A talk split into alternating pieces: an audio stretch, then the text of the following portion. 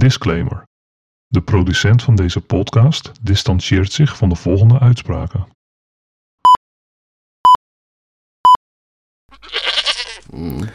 Maar, dat zou je motiveren, moeten motiveren om, eh, om, om wat van je leven te maken. hè? eigenlijk wel, ja, ja, ja. Ja. Maar ja, dan kijk je om je heen, dan zie je de wereld waarin dat moet plaatsvinden. En je denkt van, ja, maar wacht even, er zijn ook allemaal andere mensen. Die, moeten ook, die moeten ook een keer dood. Ja, Weet je hoe druk, jongens.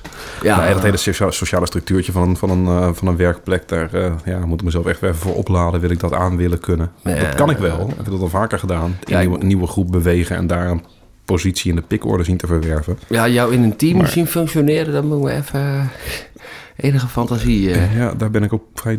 Ja. Ja. De ene keer ben ik daar heel goed in, want ik ben wel echt een teamspeler als we samen wat gedaan moeten krijgen. En ik heb er ook een beetje Mhm. mijn rolletje in.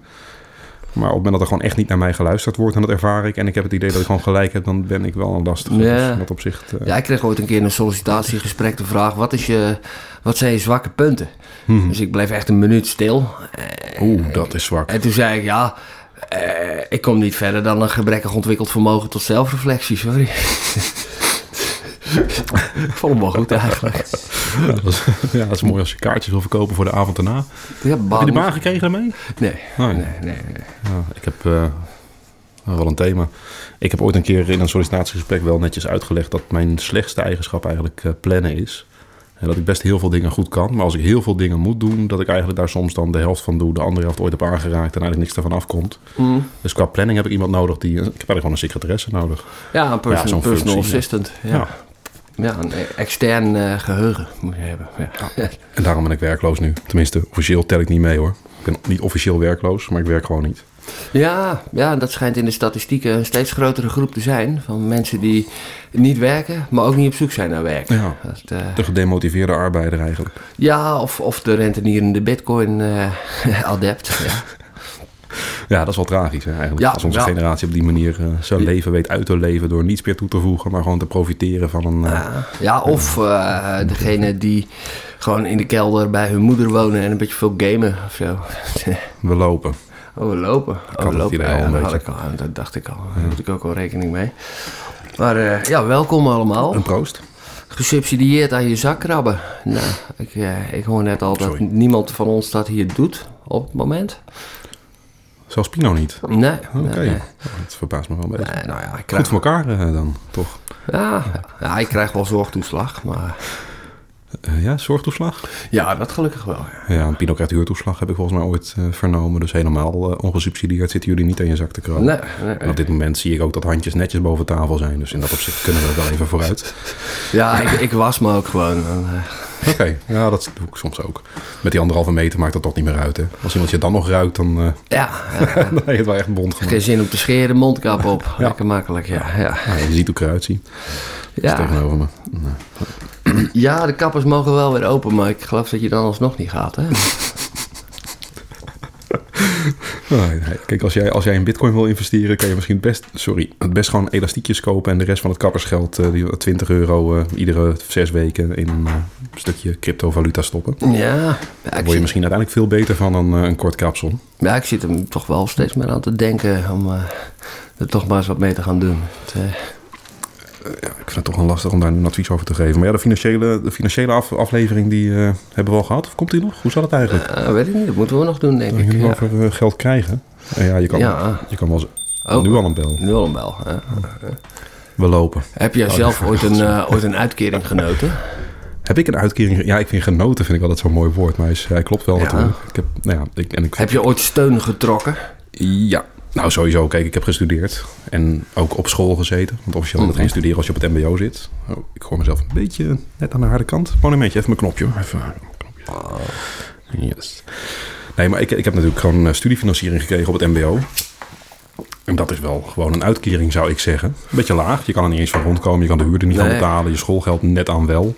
Hou je ook de helft over voor andere dingen. Ja, Dat is leuk als je zakgeld nodig hebt. Maar ja het, is, het is gewoon bedoeld zodat je eh, ja, op kamers kunt en zo. Hè? Het, eh, nou ja, maar dat kan je er dus niet van.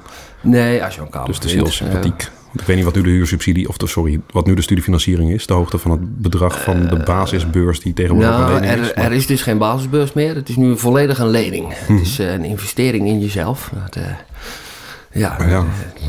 Nou, dat had ik dus gelukkig nog niet. Bij mij was het Nee, gewoon conditioneel. En het voordeel was ook in die tijd... ja, niet of het nog, bestaat, dat je twee keer mag lenen als jij nou... Mag je twee keer studiefinanciering lenen? Eh, Of ben je ook beperkt tot één keer maximaal lenen, omdat je anders... eh, nee, tien, tien jaar. Je mag die, Tien jaar- tien jaar gedurende lenen. tien jaar mag je de rekening op laten lopen. Ja. Ja. Nou, dan kom je als een rijk man van school af met heel veel kennis en een enorme schuld. Nou, ze zijn er wel bij. Maar ja, het is wel zoals het nu is. Dat je dus alleen maar mag lenen. Is studeren dus wel weer een grapje voor de rijken geworden. Dat, eh, Ja, nou, kijk, je, je kan wel lenen en je hebt daar dus wel zeg maar een... ja, maar dat gaan mensen uit lagere inkomensgroepen wat minder gauw doen. En als ze dat dan al doen, dan gaan ze iets kiezen waar ze gewoon makkelijk zien van... oh, daar kan ik eh, dan geld mee gaan verdienen. Dus rechten of zoiets. Of, eh, maar gewoon zoiets als eh, geschiedenis of zo, wat ik gedaan heb. Of sociologie. Je kunt toch ook geen baan mee krijgen, lijkt me. Eh, Nou, dat zijn, niet, dat zijn niet de opleidingen waarbij je denkt... eh, je hebt inderdaad heel duidelijk wat, je, wat voor een beroep je daarna gaat krijgen. Nou ja, als socioloog ga je snel bij de overheid werken. Ja, Als geschiedkundige ga je heel hard je best doen om misschien premier van het land te worden... omdat je verder ook geen idee hebt wat je moet met je ja, leven. ja, ja, ja, ja. Maar ja, Ja, daar, daar trek ik mij dan altijd maar aan op, inderdaad. Dat ik eh, toch, eh, toch dezelfde vooropleiding heb als, als onze, on- onze oppersmurf eh Mark Rutte. Ja. Ja. Maar ja, we hadden het vorige keer over divergentie. Vorige keer in een van de voorgaande uitzendingen het woord divergentie. En dat, eh, na de opleiding ging het toch niet helemaal dezelfde kant op. eh. Nee, nou ja, ik kan er nu weer wat mee. Maar hoe lang heb jij gestudeerd? Eh, elf jaar. Dus die tien jaar was voor jou niet voldoende geweest. Het laatste jaar had je Nee. toch gewoon uit eigen zak zonder... Nee, nou, en ik heb ook eh, vijf jaar over mijn, over mijn eindscriptie gedaan vooral. Wel, ieder jaar braaf collegegeld betaald natuurlijk. Maar, ja, ik ben blij dat het gelukt is uiteindelijk. Maar ik wist ook toen al, ik wil geen carrière in de wetenschap als historicus hebben. Dat, dat is echt helemaal niks voor mij. Nee, dat, eh, Nou, ik heb er zelf negen jaar over gedaan. Over twee opleidingen dan. MBO en een universitaire Mhm. studie. Allebei gewoon netjes binnen de, nou ja, de tijd die ervoor stond. Eigenlijk als je de opleiding zonder eh, te blijven zitten. Of een jaar over te moeten doen. Of een Ja. studiepunt en misgelopen te zijn. Hoe moet je het noemen? Dan ben je maar, maar, ook wel eens een, een echte uitkering genoten dan verder. Ja, en daar begon eigenlijk het grote succes al van het, eh, het, het snappen van... eh, Gaming the system. Ja. ja, en dat was niet eens bewust. Dat was niet mijn keuze. Maar ik ben ooit toen ik studeerde, ben ik werkloos geraakt. Ontslagen Mhm. ergens. En dat was ten onrechte. Bezwaar aangetekend daartegen. En toen heb ik zelfs een ontslagvergoeding gekregen, dat om weer te Oh. compenseren. Want terugkomen was, ja, je hebt dan toch een, een eh, arbeidsverhouding die een beetje verstoord Ja. is, zou je kunnen Ja, zeggen. ja, dus terugkomen was niet, niet echt aan de orde. Dus dat is afgekocht. En toen ja, bleek ik recht te hebben op een WW-uitkering. Zo, zo. En dat is wel apart, want je hebt, best je hebt namelijk geen recht op bijstand als je studeert. Omdat je zelf Nee, de keuze hebt gemaakt ja. om geen inkomen te kunnen verwerven. Want je bent gaan studeren. Ja, en je- En daar krijg je studiefinanciering voor. Ja, Maar bij de WW geldt dat, die voorwaarde dus niet. dat gaat gewoon... Oh, dat wist ik helemaal niet, joh. Nee, jij hebt in het verleden kunnen verdienen naast jouw school. En dat is nu weggevallen. Ja. En dat krijg je dan gecompenseerd. En nog bizarder is, en dat is een beetje waarom de bijstand er ook bij, bij betrok. Omdat mijn WW-uitkering dermate laag was, is dat gecorrigeerd tot bijstandsniveau. Ah, dus ik kreeg in één ik was maar één dag in de week werkloos. Want, want iemand met een arbeidsverleden die als verdient, verdient het niet om onder eh, op bijstandsniveau uit te komen, heeft men schijnbaar ooit eens. eh, ja, ja. en hoe dat zich verhoudt totdat je misschien bij de gemeente moet aankloppen voor het laatste restje. Dat, dat weet ik niet, maar ik kreeg dat dus Ja. gewoon uit de WW gecompenseerd. Ja. Dus ik kreeg gewoon een grotere uitkering uit de WW dan ik überhaupt had kunnen verdienen per maand door wel te gaan werken. Ja, dat is natuurlijk wel een pervers effect. Hè? Eh, ja, Dat is ja, ergens demotiverende. Ja, er zijn zoveel eh, perverse effecten inderdaad in, eh, in het hele uitkeringenstelsel. Dat, eh, Ja, ik ben ja. bang dat nog vele zullen, zullen volgen de komende uren. Dus, Ja, ja, wat hebben we eigenlijk allemaal? nou ja, is, Aan perverse effecten? nou, nee, wat, wat- woord, wa- wacht even, want het woord perverse effecten, veel mensen hebben bij pervers toch een beetje een iets ander beeld, seksueel getint of zo. Nee, nou ja, perverse prikkels, ja. Ja. Het, Ah, dat is toch wel een term die misschien niet iedereen kent. nou ja, dat is Kent. Pino deze? Kent hij de perverse prikkels? Ja, Oké, zeker. Dus ja. ik kan zonder verdere toelichting. Oké. Ja, nee, nou ja, het is, eh, wat is sociale zekerheid? Moeten we misschien even... Ik weet dat de eerste keer dat ik die term hoorde, toch ook wel een beetje met een iets ander beeld bij dat woord eh, dacht, waar hebben we het over? Maar eh, dat went snel. Maar Ja. we toch wel even... Nou, nou ja, eh, misschien moeten we eerst maar eens even vertellen wat een verzorgingsstaat is. Ehm, dat kan. ja, hè? Doe maar. Ja, nee, dat is dus wat wij hier. eh, eh, kijk, maar wij vinden het allemaal maar normaal dat we al die sociale vangnetten hebben. Maar die bestaan eigenlijk ook nog niet zo heel erg lang. Dat er een, een soort bestaansminimum door de overheid gegarandeerd wordt. Eh, en dat mensen dus beschermd zijn wanneer ze hun werk verliezen. of wanneer ze arbeidsongeschikt raken. of, of per ongeluk gehandicapt ter wereld zijn gekomen. Dan hebben wij daar collectief voorzieningen eh, voor bedacht. En eh, nou ja, dat, dat hebben we. Het, het ene land heeft ze wat luxe dan de andere. In Amerika, daar geloven ze er niet zo in. Dat, En dat breekt ze ook op. Maar zie je op een moment zoals dit, als er echt een economische crisis is. Dan, het andere uiterste is Scandinavië, waar eh, je gewoon betaald wordt om te studeren, zeg maar. Dat, eh, en Nederland zit er geloof ik een beetje tussenin. En wij hebben dat, eh, wij hebben het eigenlijk, als je vergelijkt met onze buurlanden, best wel een luxe stelsel van sociale zekerheid. Dat komt eigenlijk vooral omdat we aardgas hadden, hebben we dat heel lang kunnen financieren. Maar ja, over perverse prikkels gesproken. eh, je hebt dus bijvoorbeeld ook, eh, eh, voor als je arbeidsongeschikt wordt en zo, dat heette vroeger de WHO, nu de WIA. Ja, dat hebben we bijvoorbeeld vroeger ook misbruikt om overbodig geworden gastarbeiders. Die kregen, moesten dan een zinnetje leren. Dat was al mijn rog. En dan mochten ze had bij... vroeger ook die grap, hè? Die, die grap over ik ga naar het gak. Gak, toch? Eh, Dat ze het- dat wel konden uitspreken ook. De- ja. Een uh, migratieachtergrond, zou je tegenwoordig zeggen. Ja, gak. Dat is wel uh, Ja, gak. ja, Maar dat heette later niet meer zo. Nee, nee, Uit nee. imago-overwegingen toen ook het woord uh, autochtoon en allochtoon werd afgeschaft. Ja, hebben we het gak ja, ook ver... Gak. Vervangen door de sociale dienst. En zo, ja.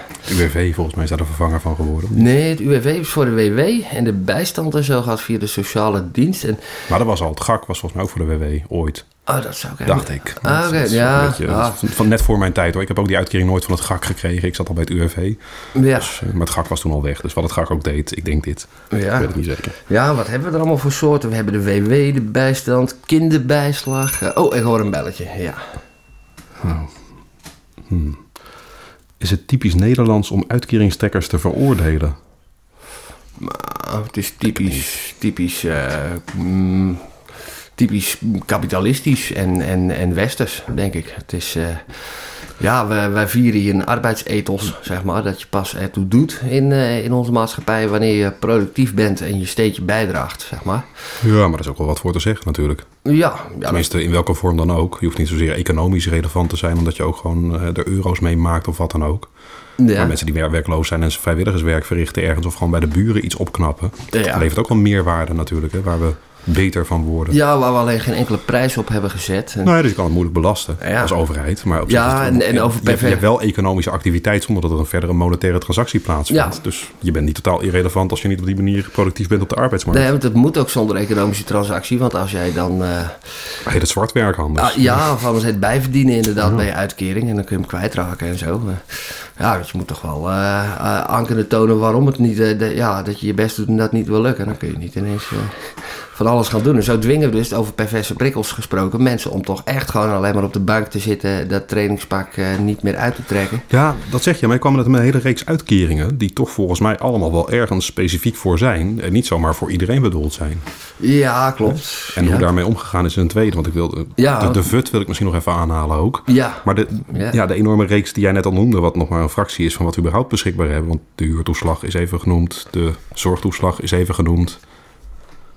ja. Via, WHO, Weduwe pensioenen zijn ook een vorm van sociale Ja. zekerheid. Maar allemaal conditionele uitkeringen, mits jij voldoet aan voorwaarden X en Y. Ja, Dan, ja, dan krijg je dat. Bijstand, voorwaarden X en Y. Je krijgt bijstand. ja maar dan, Werkeloosheidswet, voorwaarden X en Y. En je krijgt een werkloosheidsuitkering. Ja, ja, maar er wordt, wordt, soms wel, X en Y. eh, wordt soms wel een beetje verschillend mee omgegaan. Fysisch bijstand is gemeentelijk en de ene... Ja, maar dat is meer het uitvoeringsniveau. hè. Het zijn in principe gewoon over overheidsregels van landelijke Nou, daar wordt heel, maatregelen. heel erg verschillend mee omgegaan. Amsterdam eh, bijvoorbeeld, die, die weigeren om de sollicitatieplicht in de bijstand eh, voor iedereen te handhaven. Verstandig. Ja, en er zijn ook wel meer gemeentes die dat niet echt eh, strikt mee handhaven. Ik eh, kom zelf wel eens in Deventer, dat ex-arbeidersstad. Ja, we hebben zogenaamde arbeidersbuurten, waar dan ja, van die, van die derde generatie bijstandstrekkers overal wonen. Eh, Ja, dat is, dat is wel een beetje eh, ja, een uitwas, zeg maar. En ik, ik vind dat ook ik vind dat zo'n treurig gezicht, joh. Want die mensen, ja, die kunnen leven en zo. eh, Ik heb aan alle kanten geld toegestopt, maar... Oh, er komt hier een vliegtuig over. Jezus. Ja, we zitten hier op een... eh, Op een, aanvlieg, eh, op een aanvliegroute. Of een helikopter. Ze, Oh, nu al avondklok. Zijn we te laat, jongens? Nee. Oh, man. Oh, Oh, weer, een belletje. Oh, ja. Denk je dat onze luisteraars een uitkering genieten? Nou ja, sommigen, ja. Eh, Ja, ik denk de meeste. Ze hebben Want- de tijd. zorgtoeslag heb je echt recht op tot een vermogen van, weet ik, heb ik jou daar? Tenminste, ik schrok er zelf van. Ja, bijna iedereen heeft wel een vorm van, inderdaad. Ja. Hè? Dat, En ik heb ooit Wouter Bos er ook iets over horen zeggen, waar ik het toen misschien wel een beetje mee eens was zelfs. En inmiddels eigenlijk helemaal niet meer.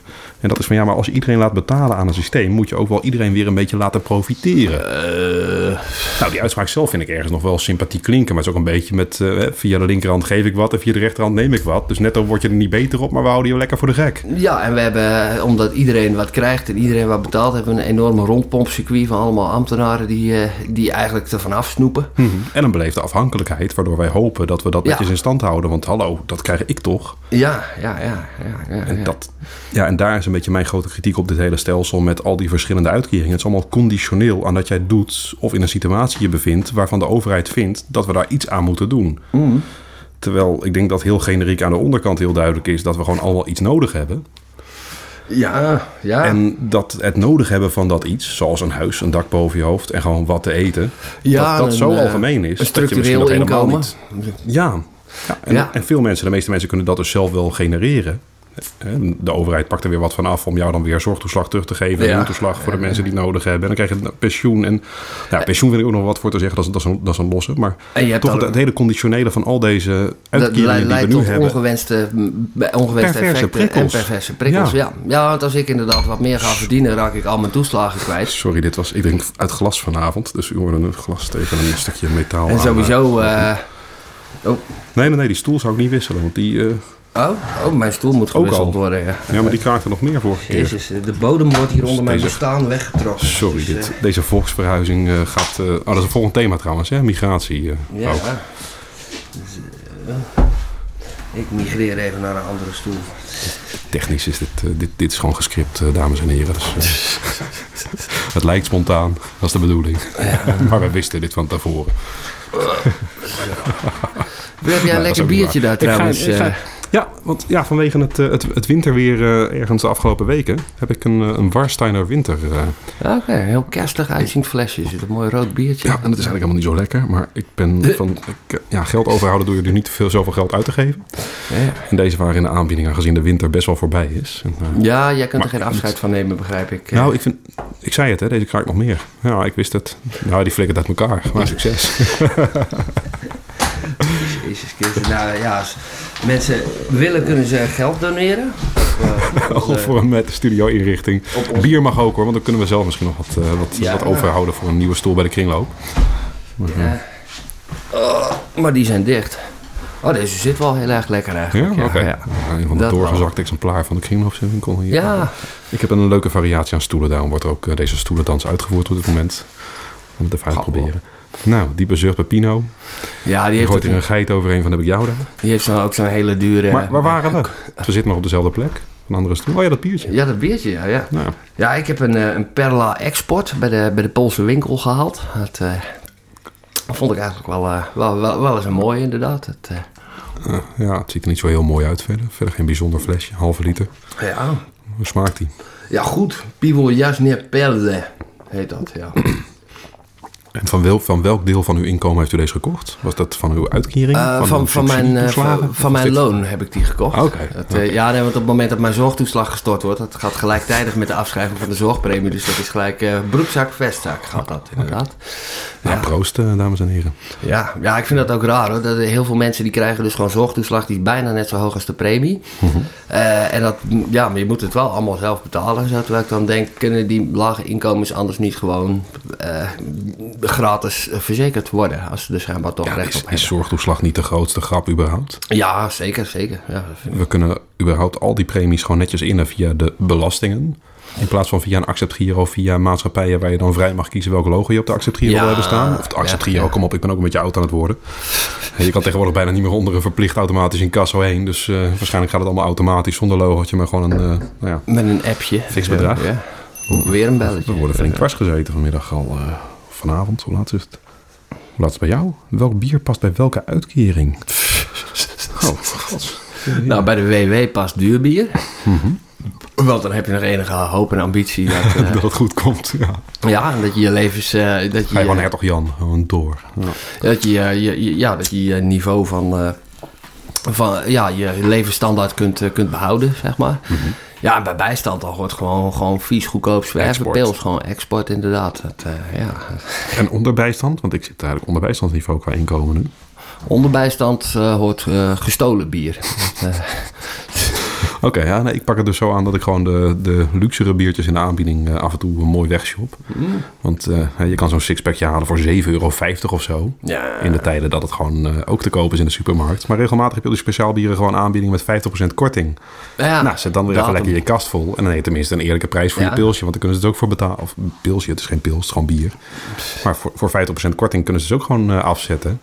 Ja. Ja. dan moet je je niet laten afzetten door het voor de dubbele prijs te kopen. Ja, gewoon ik niet doen. niet gewoon niet doen. Hou je geen geld over. Dan, Ja, nee, inderdaad. En dat, dat, dat, is het ook, ja, dat is ook een beetje met arme mensen. Hè. Die, die maken verkeerde financiële beslissingen. Zoals inderdaad bier niet in de aanbieding kopen. En daarom Hmm. zijn ze arm vaak. Dat, eh, Ja, exact. Ja, die samenhang is, eh, is heel Ja. sterk. Ja. Ik heb ooit een mooie documentaire gezien ook van eh, nou ja, mensen die dus in een uitkeringspositie zaten met, met al meerdere generaties ook. Ja, en de- die uitkering was binnengekomen en ja, de, de man des huizes had enorme ambitie om een, ja, die wilde een aquarium.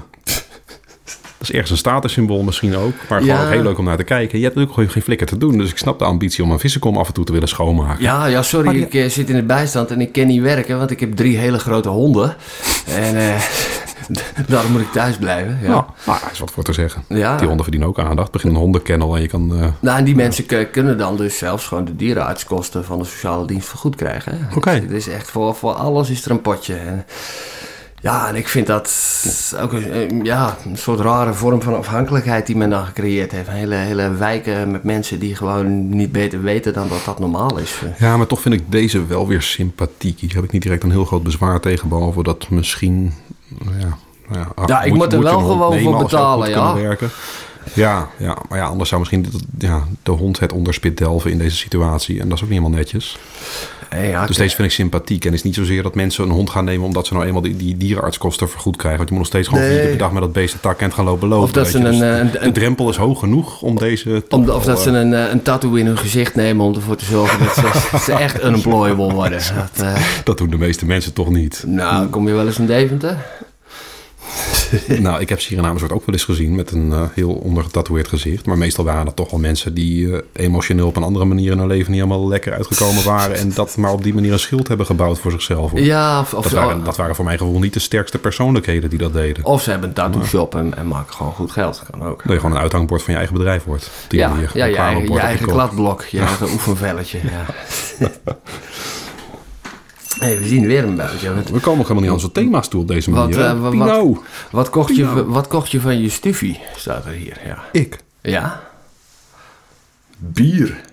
Nou ja, hoek toen. Ja, een pizza als avondeten meestal. Je had heel veel variaties in pizza. Dus ik heb dan best Nee. wel afwisselend kunnen eten. Ik kocht benzine om, om, om met mijn bromfiets of met mijn auto naar eh, de universiteit te rijden. Mhm.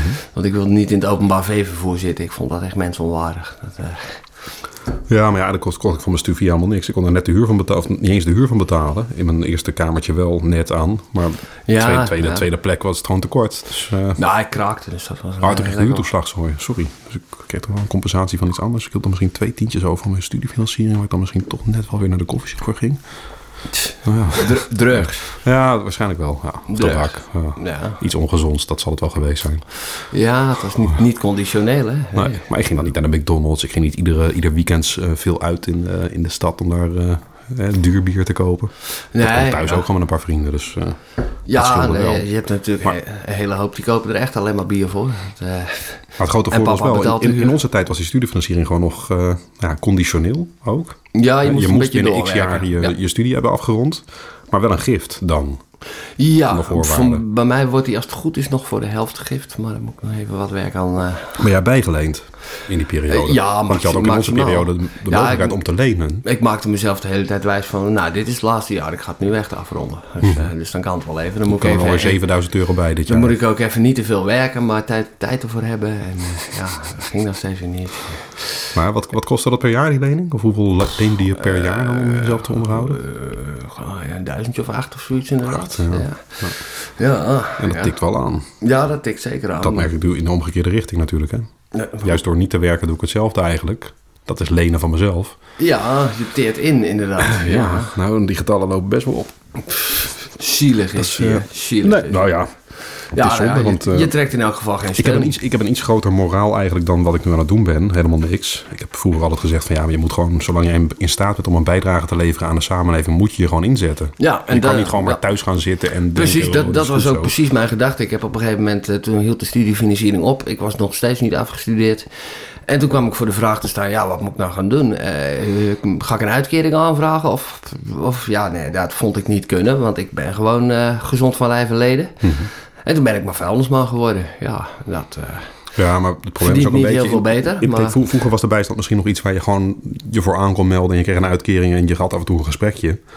Maar volgens mij is het tegenwoordig bijna overal zo dat je überhaupt wordt gedwongen... of tenminste met zachte hand wordt aangemoedigd om toch je best eraan te gaan solliciteren. Dus sollicitatieplicht. ja, dat- je noemde hem net al dat ze soms misschien ermee stopten. Ja, ja, ja. Maar ja, we, Ja, maar ik, ik dacht toen dus ook, ik kan dat toch niet echt aan, aannemelijk maken dat ik eh, geen werk kan vinden. Ik bedoel, eh, ja, ik ben gewoon fysiek gezond, dus ik kan eenvoudig fysiek werk doen. Want, Ja. eh, ja.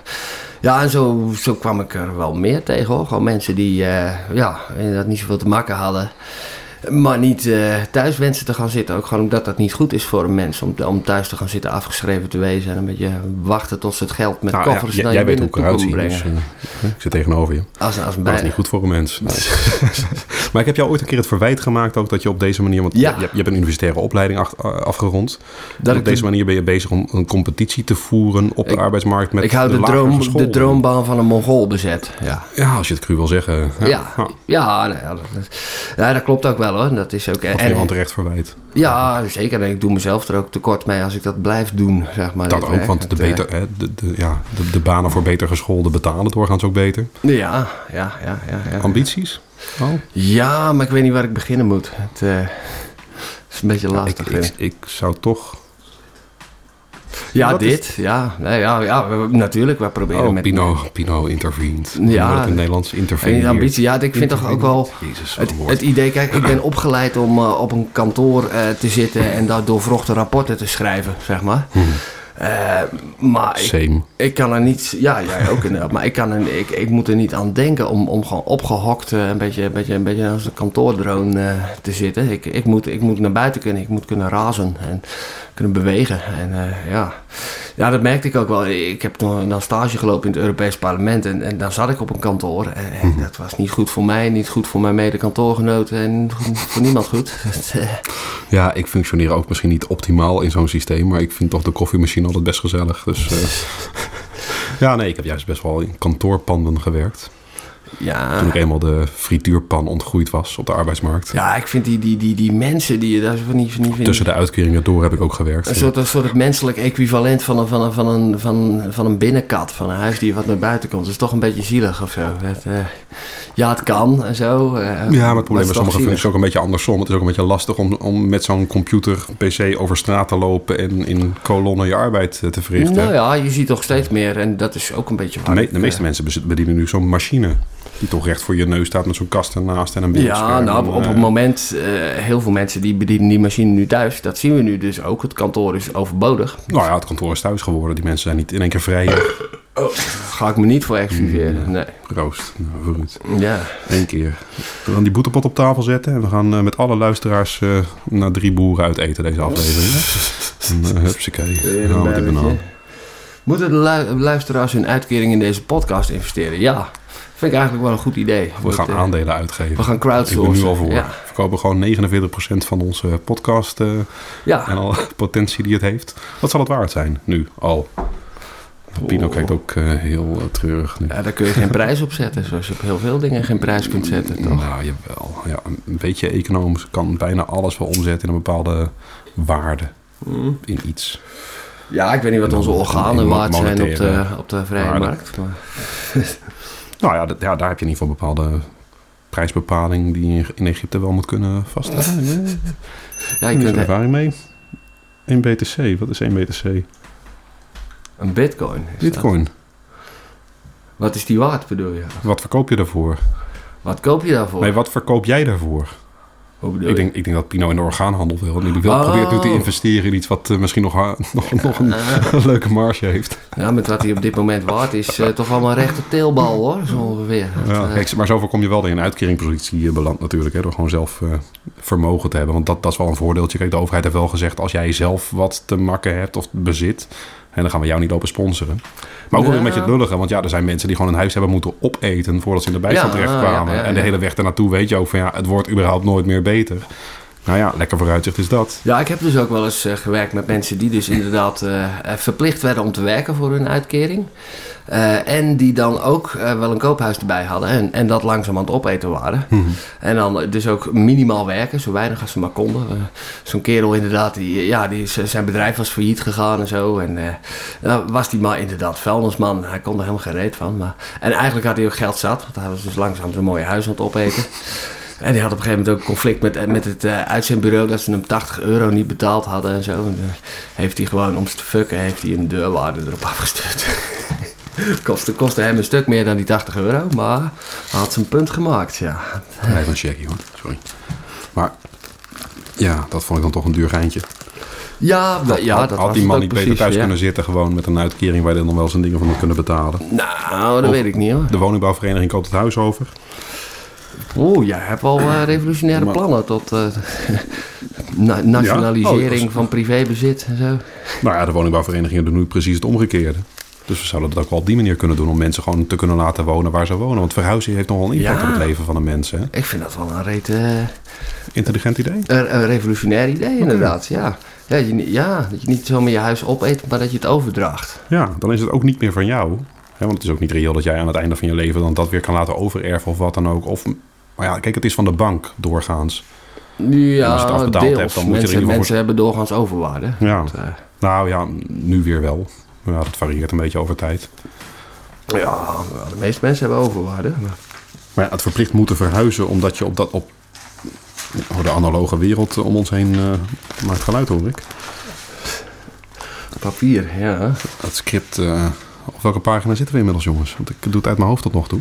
Pagina 1 nog steeds. Ja, de- bij de bestaande sociale voorzieningen. En Lettertype. wat, wat we daarvan moeten vinden. Ja, de, er is dus van alles, inderdaad. Het, eh,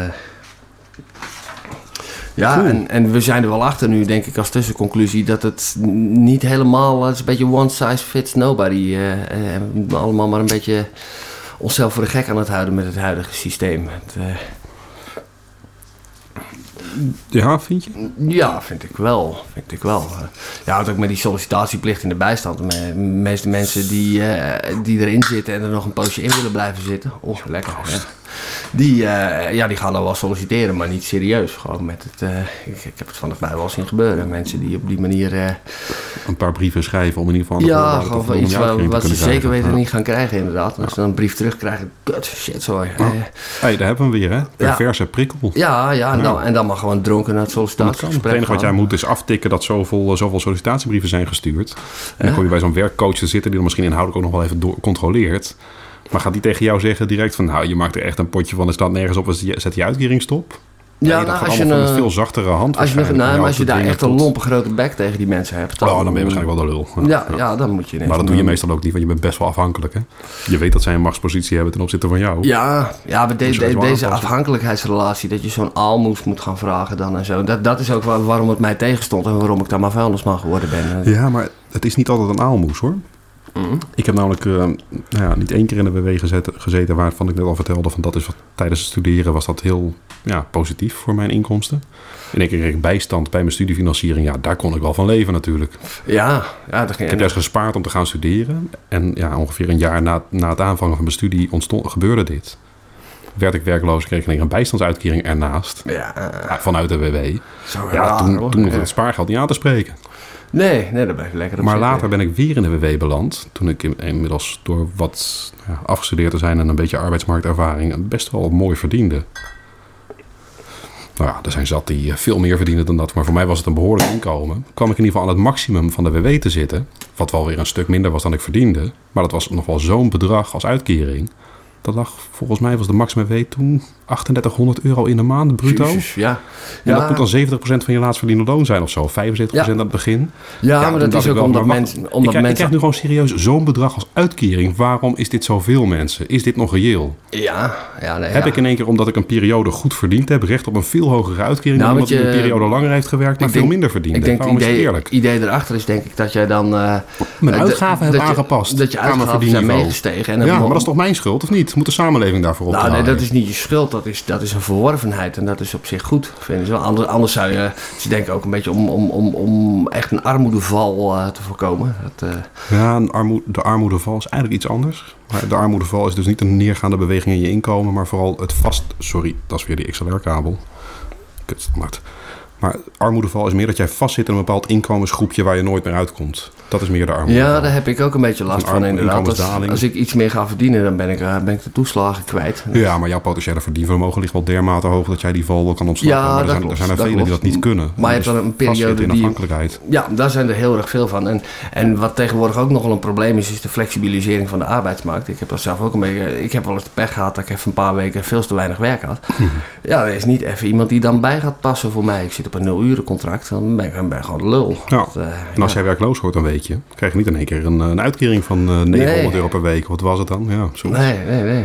Ja, dan zou misschien eh, een, basisinkomen of iets dergelijks wel, eh, wel handig zijn. Maar ja, ik heb het idee dat dit soort veranderingen... eh, Het is ook een beetje een generatieconflict. Hè? De WW zoals die nu bestaat, dat is vooral voor mensen die al heel lang werken... op een vrij hoog loon, oftewel babyboomers. Daarvoor is dat heel erg, heel erg prettig. Maar voor starters op de arbeidsmarkt en de jongeren... die allemaal in flexibele contracten zitten... ja, die hebben er geen reet aan. Dat, Nou, na een tijdje wel. Want ik, ik moet zeggen, ik heb natuurlijk... nou we hebben het ook bij, de, bij het wonen al erover gehad... dat ik best wel een beetje in de kennis zit van die sociale voorzieningen. mm. En ik heb dat hier ook, want achteraf bleek dus dat die periode dat ik WW kreeg terwijl ik aan het studeren was. En dus niet zo snel nieuw werk kon vinden voor één dag in de week. Want ik was maar acht uur Mm. werkloos. Nou, vind maar werk voor acht uur per week. Terwijl je niet eens van tevoren kan aangeven op welke dag. Want ja, je studeert, dus ieder kwartaal kan dat variëren. Want die vakken gaan wel voor. Dat deed het daarvoor ook. Ja, Nou ja, dus ik zat eigenlijk gewoon vast in de WW en ik kon eigenlijk geen baan vinden die passend was. Dus ik heb gewoon de duur van de WW waar ik recht op heb opgesnoept toen. En dat was toen acht maanden volgens mij. ja. Nou, ja, dat was acht, ma- acht maanden de bijstandsuitkering erbij. Bovenop de studiefinanciering. Dat is geen vetpot, maar nou in ieder geval, daar kan je van leven. Maar dat heb ik alleen maar gekregen vanwege het aantal arbeidsjaren daarvoor. ja. En het leuke was dat op dat moment dus het eerste jaar dat ik gewerkt heb in een supermarkt op 14-jarige leeftijd. Voor dat 4 telt wel gulden per mee, uur Ja? die telde mee. Dus daarmee kreeg ik een maand WW. Dus ik heb überhaupt in die maand die ik WW kreeg, vanwege dat ene jaar wat ik zeg tien jaar daarvoor had gewerkt, nou heb ik in dat jaar misschien 400 gulden verdiend. En het- dat leverde in één keer gewoon tien jaar later een maand WW op, 800 euro. Ja. Nou ja, dat is mooi. ja, dat is... Als ik me dat had gerealiseerd, dan had ik het ook zo gedaan. ja, dat maar dat wist ik niet eens. Maar Nee. gelukkig had dat. Nee, maar dat er zijn mensen die dat soort dingen wel weten, inderdaad. Ik heb het ook wel gezien met iemand boven de... Nou, vert- vertel het 14-jarige, ga nu werken. Want je WW-recht bouwt gewoon op op een aantal arbeidsjaren. Dus hoe meer jaren jij gewerkt hebt als je jong werkloos wordt, des te meer maanden heb je recht op WW. Ja, maar gewoon over, over perverse prikkels gesproken. eh, Nee, dat is niet pervers. Tenminste, zou ik zeggen. Ga werken voor je geld, want dat is sowieso Ja. de beste oplossing. Ja, maar dat is sowieso de beste oplossing. Maar ja, dat, dat, dat ja, hoor je toch ook steeds meer mensen over dat er eh, een beetje een mismatch begint te komen tussen wat er aan werk is en wat mensen willen en kunnen. En Dat we, ja, eigenlijk, we zijn een kenniseconomie, maar niet iedereen kan daarin mee. Zo, ja, wat moeten Ja, die dat dan gaat mij niet direct een lichtje branden, dus vertel. Ja, nou ja, gewoon de, ja, dan, dan komen we een beetje op het basisinkomen idee. Het feit dat de automatisering en zo, dat heel veel simpel werk voor simpele mensen, zeg maar. Dat, dat, dat is er niet meer. Dat valt weg. Of, of wordt geoutsourced en zo. En daardoor krijg je dus dat, dat de vacatures die er zijn, want er zijn er zat, eh, die passen totaal niet op eh, de populatie van mensen die, eh, die, die op zoek is naar een baan. Dat, eh, Ja, maar er zit dus par- parallel eigenlijk een ander effect in. En dat is eigenlijk de ja, automatisering misschien voor een heel groot deel. De Mhm. mechanisering Ja. misschien zelfs Ja, nog. Kijk, vroeger als wij een kanaal wilden graven met elkaar... dat eh, dan waren we met heel veel mankracht bezig om een kanaal te graven. Ja. Dus was er arbeid aan iets waar we samen mee bezig waren... wat meerwaarde genereerde en waar je je loon mee kon verdienen. Nou, tegenwoordig huur je een, ja, een paar graafmachines in en een paar man erop. En dat kanaal is in een paar dagen gegraven. Het is klaar. Dus we hebben gewoon eigenlijk niet zo heel veel meer te doen. Nou ja, ergens is dat vooruitgang natuurlijk, want stratenmaker is een heel zwaar kutberoep. Hm. Ergens wel. Het, eh, En dat gaat nu gewoon met, eh, met ja, vierkante meters tegelijk. Ja, van die een machine die hele, hele stapels of hele ja, straten in een paar minuten kunnen aanleggen in plaats van steen voor steen. Maar wat, wat moet simpele Henk dan die eh, verder niet zoveel kan behalve straten maken? Ja. Ja, hopen dat de overheid belastingverlaging aan Unilever geeft om toch nog baan... Nou ja, nee, dat is een flauwe opmerking, want die, die relatie kan ik niet zo direct leggen. Maar ja, we zijn dus eigenlijk gewoon een beetje irrelevant geworden door onze eigen vooruitgang voor een deel. Ja, ja, ja, ja, ja. Dat klopt hoor, steeds meer. En dat, de, onze generatie heeft daar steeds meer last van, eigenlijk. Dat, eh, ja, ook, ook het feit dat we dat allemaal verteld krijgen, inderdaad. Van dat we dus eh, in een kenniseconomie leven en ons eh, Je wordt al opgeleid met, met de belofte dat je irrelevant wordt. Ja, ja en, en ook over, over het niet passen van de populatie bij de vacatures.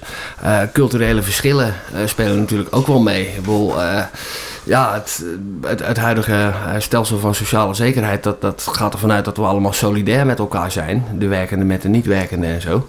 En dat je daar dus ook bereid toe bent om, om wat, wat extra belasting te betalen, zodat iemand anders die het even moeilijk heeft een uitkering kan genieten. Maar ja, als ik, als ik dan bijvoorbeeld eh, even opmerk dat 70% van alle Somaliërs in Nederland in een bijstandsuitkering zit.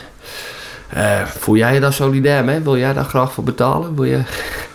Ja, nou ja, ik heb heel cru over de, de laagste sociale voorzieningen een heel simpel standpunt. En dat is als je dat de mensen niet geeft, gaan ze het zelf wel ergens halen. Want ze hebben het nou eenmaal nodig. Ja, maar moet, Dus je, moet je mensen je, die koopt, gewoon... je koopt als het ware af om niet direct in de criminaliteit te belanden. Ja, maar moet je die mensen dan niet... Kijk, want dat, ja, de, er is een, een, een sollicitatieplicht dan en zo. Maar moet je die mensen niet gewoon een tegenprestatie eh, laten leveren? Dat doen sommige gemeentes doen dat. Rotterdam die zet je gewoon in een soort chain gang in de berm om, eh, om, om, om, om Ja, op te ruimen. ja, ieder uur dat jij dat aan het doen bent, word jij belemmerd om een baan te vinden die wel lonend is. Hè? Ja, maar Dus ieder, ik- ieder uur dat jij dat doet en het ook echt kut vindt, word jij wel eh, gemotiveerd. eh, dat is een beetje negatieve motivatie. Maar Ja. van jezus, dit wil ik echt niet. Ehm, ja, als het dan zo moet, misschien moet ik dan toch maar eh, Ja, ik vind leren voor- lezen en, eh, Voor de, en echt de kans, taal leren. voor de echt kansrijken, zoals mezelf, vind ik dat misschien een reële reactie. Omdat ik daar ook denk van oké, jij doet gewoon zelf je best niet. Jij verdient ergens een straf. Maar er zijn ook voldoende mensen die één, dat misschien net niet kunnen. Die je dus alleen maar straft terwijl ze geen echt verdienpotentieel hebben. Maar ze dus wel verplicht laat werken voor een uitkering wat echt een minimuminkomen is. Wat ik gewoon moderne slavernij zou noemen. Ja, En er is een groep die waarschijnlijk dat niet eens hoeft. Omdat ook de gemeente daar al heeft besloten van oké, die zijn afgeschreven. Maar ja, die komen wel eerst even langs op het lijstje om weer beoordeeld te worden. Of zij misschien verplicht een tegenprestatie moeten gaan leveren. Ja. Of in welke vorm dan ook. Dat kost ook weer geld, hè? ja. Dus de bijstand wordt alleen maar duurder door dat te vragen. Want die mensen leveren economisch geen meerwaarde. Ze mogen niet mee concurreren op de arbeidsmarkt. Nee, maar het is toch ook zielig? Je zou de- kunnen zeggen dat ze een... het is toch ook zielig voor die mensen zelf om ze daar maar gewoon in te laten zitten. Er worden ook kinderen geboren in dat soort situaties. Mhm. In een sociale omgeving waar niet werken en uitkering trekken de norm is. Ja, Eh, dat, dat, daar worden die kinderen toch ook niet echt beter van, lijkt mij. Nee, maar het is heel menselijk om wel op jouw eigen manier als mens te kijken naar hoe jij jouw leven kan verbeteren. Hmm. En sommige mensen weten, omdat ze ook bijvoorbeeld ouders hebben die gestudeerd hebben en een mooi inkomen en een mooi huis hebben kunnen bemachtigen, dat zij dat ook wensen. Hmm. En die wonen ook in hebben, dus buurt. ook, ja. en hebben dus ook een voorbeeld en misschien wel sociale druk om Ja. datzelfde te bereiken. Kinderen die opgroeien in een bijstandsgezin wat best kan rondkomen en het wel redt. En In misschien een zwaarder wat bijstandsbuurt. bijdoet. eh, Die leren ja. ook niet dat scholing heel erg waardevol kan zijn en dat je er echt veel beter van kan worden. Die leren op die manier te leven door Ja. afhankelijkheid van de staat en er zelf af en toe wat zwart bij te beunen. Dan- Dus de opleiding in hoe jij je inkomen vergaart varieert ook tussen Ja. die twee groepen. Maar dat is, toch, dat is toch zielig? Dat is toch kut? Dat is zielig, ja. Maar Ja. dat haal je bij die kinderen niet weg door in één keer die bijstand te korten. Nou, Want die mensen hebben geen nieuwe strategie aangeleerd daarmee om, in zich, om hun eigen positie te verbeteren. Mm, Door, door die bijstand echt eh, oncomfortabel te maken. Dat het geen wenkend vooruitzicht Dan is het eerste enige effect dat het voor die mensen oncomfortabeler wordt. Ja. Ze hebben daarmee geen handvat in één keer waarmee ze hun eigen, eigen leven kunnen verbeteren. Nou, dat zou je ze dan dus eh, heel actief moeten aanbieden. Met Ja, maar wat doen we? We laten ze verplicht werken nu voor een uitkering. Ja, Dat is toch een invalshoek die even een andere is dan ja maar ze proberen het perspectief laten- te bieden om die mensen te leren hoe je het zelf voor jezelf beter kan maken. Nou ja, ja, ja en, het, en het, het zijn ook vaak dingen die gebeuren die ook een baan zouden kunnen zijn. Eigenlijk, daarom is het ook verdringing op de arbeidsmarkt tegen Ja, voor, voor, voor een deel. Want volgens mij wordt Post, eh, PostNL wel behoorlijk bevolkt door mensen die eh, afhankelijk zijn van de overheid. Mhm. Wat natuurlijk wel verwerpelijk is dat gewoon een beursgenoteerd winstgevend Ja, bedrijf ja. nu hè, gebruik maakt van door de arbeid verplicht of door de overheid verplicht aangeleverde handjes. Wij zijn zo'n die op het minimumloon mogen werken. Wij zijn zo'n Nou, ik, slechte ik, vind, ik, werkgever vind het, ik, vind het sla- ik vind het oprecht slavernij. Eigenlijk. het in een moderne vorm. Ja, ja, voor mensen die het... eh, ja, wat zouden ze dan moeten doen? Tja, Nou, in ieder geval, ja, verplicht werken in ieder geval. Verder hebben ze een eigen huis, mogen zich vrij bewegen. Tot negen uur. Motherfuckers. Sorry. ja, teringavondklok. hè. Oh. Ik heb er ook steeds vaker scheid aan, moet ik zeggen. Het, uh... Ja, maar het lastige is een beetje hoe haal je mensen uit de bijstand? dat kan je doen met een, een manier ja, om ze te pesten en het zo ongemakkelijk voor ze te maken dat ze misschien besluiten om crimineel te worden. voor zover ze niet al gecriminaliseerd zijn. Dat gebeurt ook veel inderdaad. Ja, ja, ja, want dat is in, in bepaalde buurten. En daarom of gaan ze in één keer studeren. Dat ze denken van, ah, ik wil wel een studieschuld van 50.000 euro. ik durf dat, risico wel aan. En dan eh, kan ik daarna de bijstand wel terugbetalen. Ja, maar dat, ja we, we, hebben hier denk ik ook wel goed geschilderd hoe uitzichtloos het is voor bepaalde mensen. Mhm. En daar werkt ons sociale zekerheidsstelsel dus niet voor. Dat, het slachtoffert ze eigenlijk alleen maar meer. Dat, maakt ze afhankelijk, ja. Ja, maar hoe, hoe doorbreken we dit? Heeft, heeft iemand hier enig idee over? Uh, ja, nou ja, voordat basis, basisinkomen al uh, tien keer genoemd wordt, maar nog niet wordt uitonderhandeld. Nee, ik vind in ieder geval de studiefinanciering zou daar een hele belangrijke bijdrage ja, in dat kunnen leveren. Dus ook. Dat Zorg ervoor dus dat het gewoon wel conditioneel. Hè, je moet wel enige kans hebben om die studie af te ronden. Dus toelatingstoetsen en dat soort dingen moeten er gewoon blijven. Mhm. En een x aantal jaar maximaal eh, met misschien wat coulance als er echt uh, goede redenen zijn voor jou om uh, wat langer te moeten studeren. Er is iets heel ergs gebeurd in je leven of met jezelf. Ja, ja dan, gebeurt moet ook wel een, mee omgaan. Gebe, maar... gebeurt ook wel een beetje, maar dat is dan meer zo dat je dan uh, je rijbewijs betaald krijgt van de sociale dienst. En vervolgens mag je dus voor PostNL gaan pakketjes gaan rondrijden als slaaf. Dat soort dingen gebeuren ook wel. Ja, maar de, de, belangrijkste stap naar gewoon uiteindelijk financiële onafhankelijkheid is gewoon zelf leren hoe het werkt en hoe jij met een opleidingsniveau waar je op de arbeidsmarkt een positie mee kan verwerven, ja, je werkzame leven gaat aanvangen. Ja, ja, ja, ja. En dat kan ook met MBO of LTS of welk opleidingsniveau dan ook, wat iets meer aan de onderkant ligt. Ja, ik denk, ik denk ook dat er een grote onderwaardering is voor, voor, voor uh, werken met de handjes eigenlijk. Want dat is hmm. zogenaamd dom werk. Nou, uh, het heet tactiele intelligentie, mensen. En dat houdt in dat sommige oh, mensen in hun linkerhand meer intelligentie hebben zitten dan anderen in hun hele hoofd. Oké. Okay. Ja, ja, ja ik, ik, weet niet of jij een beetje, een beetje handig bent met gereedschap. Maar nou, mensen, mensen die dat wel zijn, worden vaak een beetje ondergewaardeerd. En het zijn uh, geen carrièrepaden waar mensen nou echt worden aangespoord van word uh, monteur of zoiets. Ik, ik ken, ik ken ook, ik heb vrienden die ook uh, wel ouders hebben die uit het iets hogere milieu komen. Maar ik kom gewoon uit de middenklasse. Mijn pa was timmerman. En als ja. alleen verdiener in staat om een gezin te onderhouden en een koophuis te bekostigen. Maar die was timmerman. Ja, daar heb ik natuurlijk wel wat van geleerd en afgekeken. Dus ik ben gelukkig wel wat handig. Ja. Maar die andere vrienden die qua opleidingsniveau niet het mijne hebben gehaald... maar wel ouders van dat opleidingsniveau... Ja, die kunnen, die kunnen hamer, helemaal niks. Die kunnen geen hamer hanteren, joh. Dat is echt... Terwijl je hebt techniek op de middelbare school om dat een beetje te compenseren, ja. hè? Ja, Moet ja, je toch weer een beetje... Ja, en die mensen die, uh, die moeten dan weer uh, iemand bellen als hun kraan lekt. Weet je wat leuk is eigenlijk? We hebben nu wel toch wel behoorlijk... Uh, eigenlijk een aflevering over nivellering. Ja, leg uit. Ik heb jou daar wel eens heel boos over horen worden over ja, dat woord.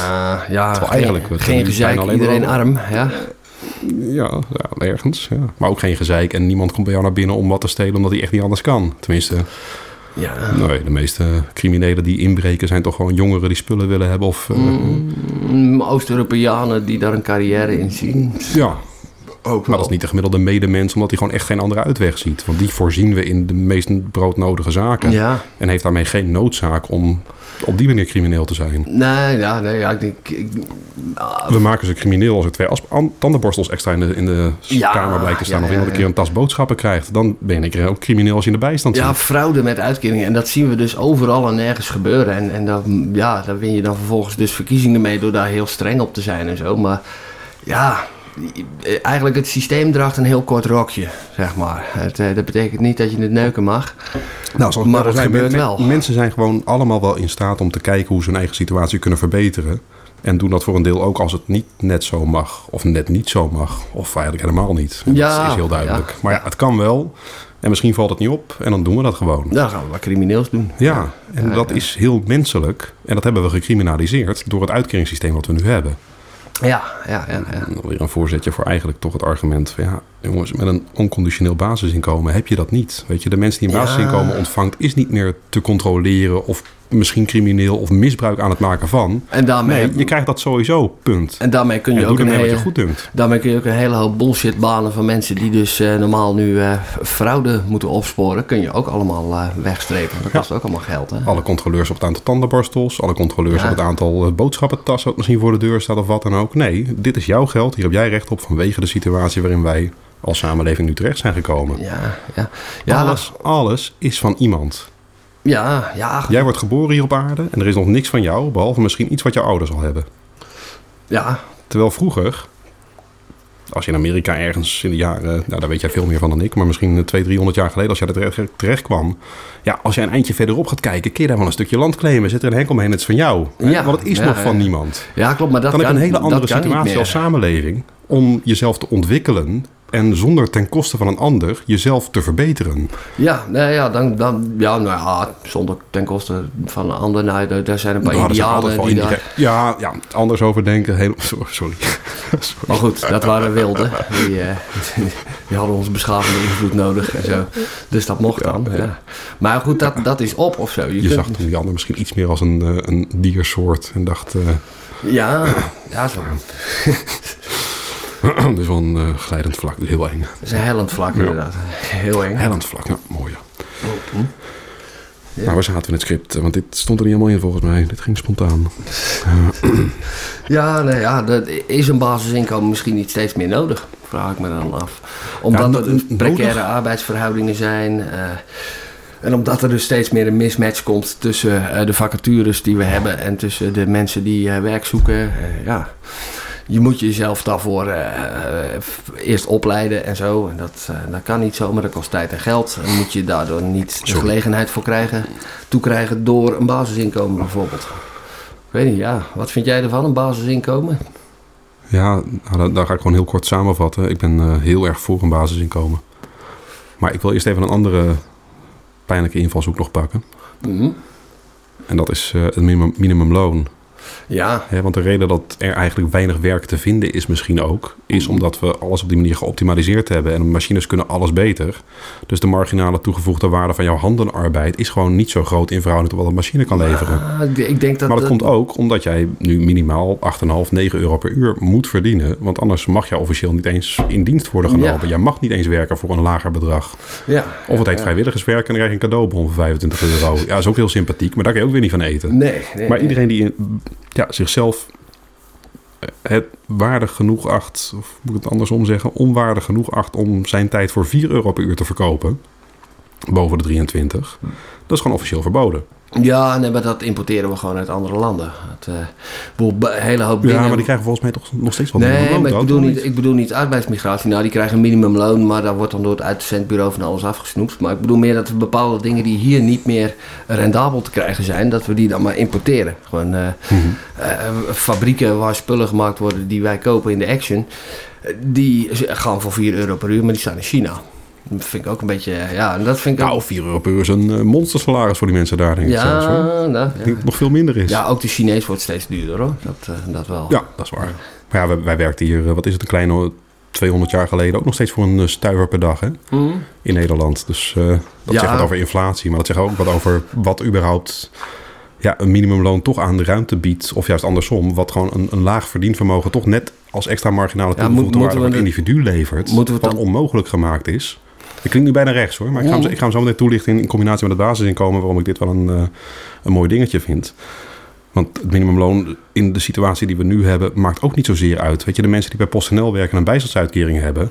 Het enige wat zij doen met het minimumloon is ervoor zorgen dat die bijstandsuitkering iets te naar beneden gaat. ja, en als het minimumloon iets lager zou zijn, zeg 6 euro per uur, zouden ze iets meer bijstand ontvangen. Mhm. Dus netto zijn die mensen echt niet gebaat bij een minimumloon zoals we nu hebben. En als ze een veel hoger minimumloon zouden krijgen, zouden ze misschien geen bijstandsuitkering nodig Precies, hebben. dus daar zijn zij ook niet bij gebaat. En dat kun je ook... Er is een groepje wat misschien daar net tussenin zit, bijna nergens. Maar ja, die hebben ook zorgtoeslag, is- huurtoeslag, weet ik wat allemaal. En die gaan allemaal gecompenseerd worden de andere kant op, oftewel naar beneden, als hun salaris stijgt. Dus het is een beetje vestzak Ja, broekzak, ja, waarbij de overheid niet via ja. belastingen het eerst int en dan her- herverdeelt. Maar ze gaan gewoon de werkgever dwingen om het omhoog te krikken, om ervoor te zorgen dat de andere uitgaven van de overheid naar beneden kunnen. Ja, ja En maar dan- toch vind ik dat het minimumloon gewoon een end omhoog moet. Voor mensen die wel gewoon 40 uur in de week werken en in, in deze kutwoning maakt... Mhm. eh, veel te veel geld kwijt zijn voor gewoon hun basale eh, eh, behoeftes. Ja. Ja, dat is, dat is toch ook gewoon niet eerlijk. Arbeid moet lonen. Als je 40 uur in de week werkt, dan moet je daar gewoon kinderen van kunnen eh, eh, eh, naar school sturen en, en kunnen kleden en voeden. Ja. Maar dat kan niet op het moment. Ja, mijn pa was vroeger timmerman, die kon dat ook. Weet je, we, we hebben economisch een hele andere situatie gecreëerd, denk ik. Ja, twee verdieningsmodel. Ja. Ja, en een ander probleem is dat wij eigenlijk nu onszelf. Fuck. Kut, waar is dat punt? Waar, waar ligt dat punt? Draai even het plaatje om, eh, Pino. Even een punt kwijt.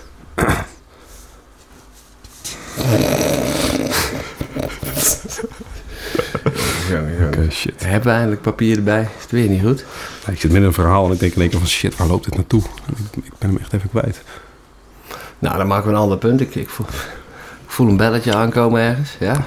Afgeleid bij het eh, lezen van het script. Pagina 23. Minder blowen, dat moet je. Wacht even, ik doe dit eh, ook voor mijn plezier. Hè? Nog een belletje, ja. Mm, we hebben een vraag van een luisteraar. Worden mensen niet lui van een basisinkomen? Godverdomme, het minimumloon. Ja, wacht even, dat was hem. Ba- ja. lui van een basisinkomen? Ja. Of worden ze lui van een hoog minimumloon? Wo- Worden mensen lui van de bijstand? Nou ja, ze krijgen er geen arbeidsritme van. Worden mensen lui van de huurtoeslag? Eh, ja, kan in sommige gevallen daartoe leiden, ja. Een zorgtoeslag? Soms ook Kijk, wel. het zijn hè. allemaal desincentives om te werken ergens. Hè? Mm, ja, inderdaad. Want bij iedere euro die je extra verdient, moet je weer wat terugbetalen aan het einde van het jaar. Afgelopen week in het nieuws, nou ja, afgelopen week, onlangs in het nieuws, eh, nog over arbeidsgehandicapten.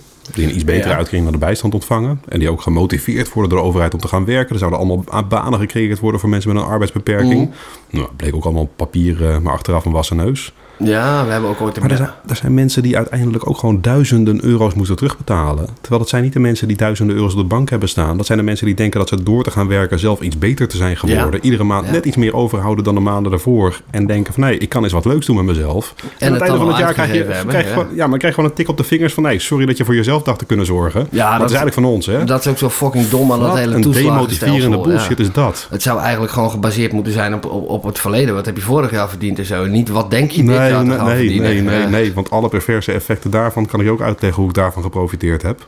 En ook dat werkt dus niet. Nee, ik heb voordeel gehad bij het stoppen met werken, bij het verkrijgen van deze huurwoning. Ja. Dat, scheelt, dat scheelt mij bijna 100 euro in de maand. Ja. Nu iets minder, maar Ja, ja, ja. dat, is een perver- dat heet een pervers effect. Ik, Ik zag ook. dat aankomen. Ik heb doorgerekend hoeveel mij dat over 10 jaar gaat schelen. Nou, dat is bijna een jaar werken.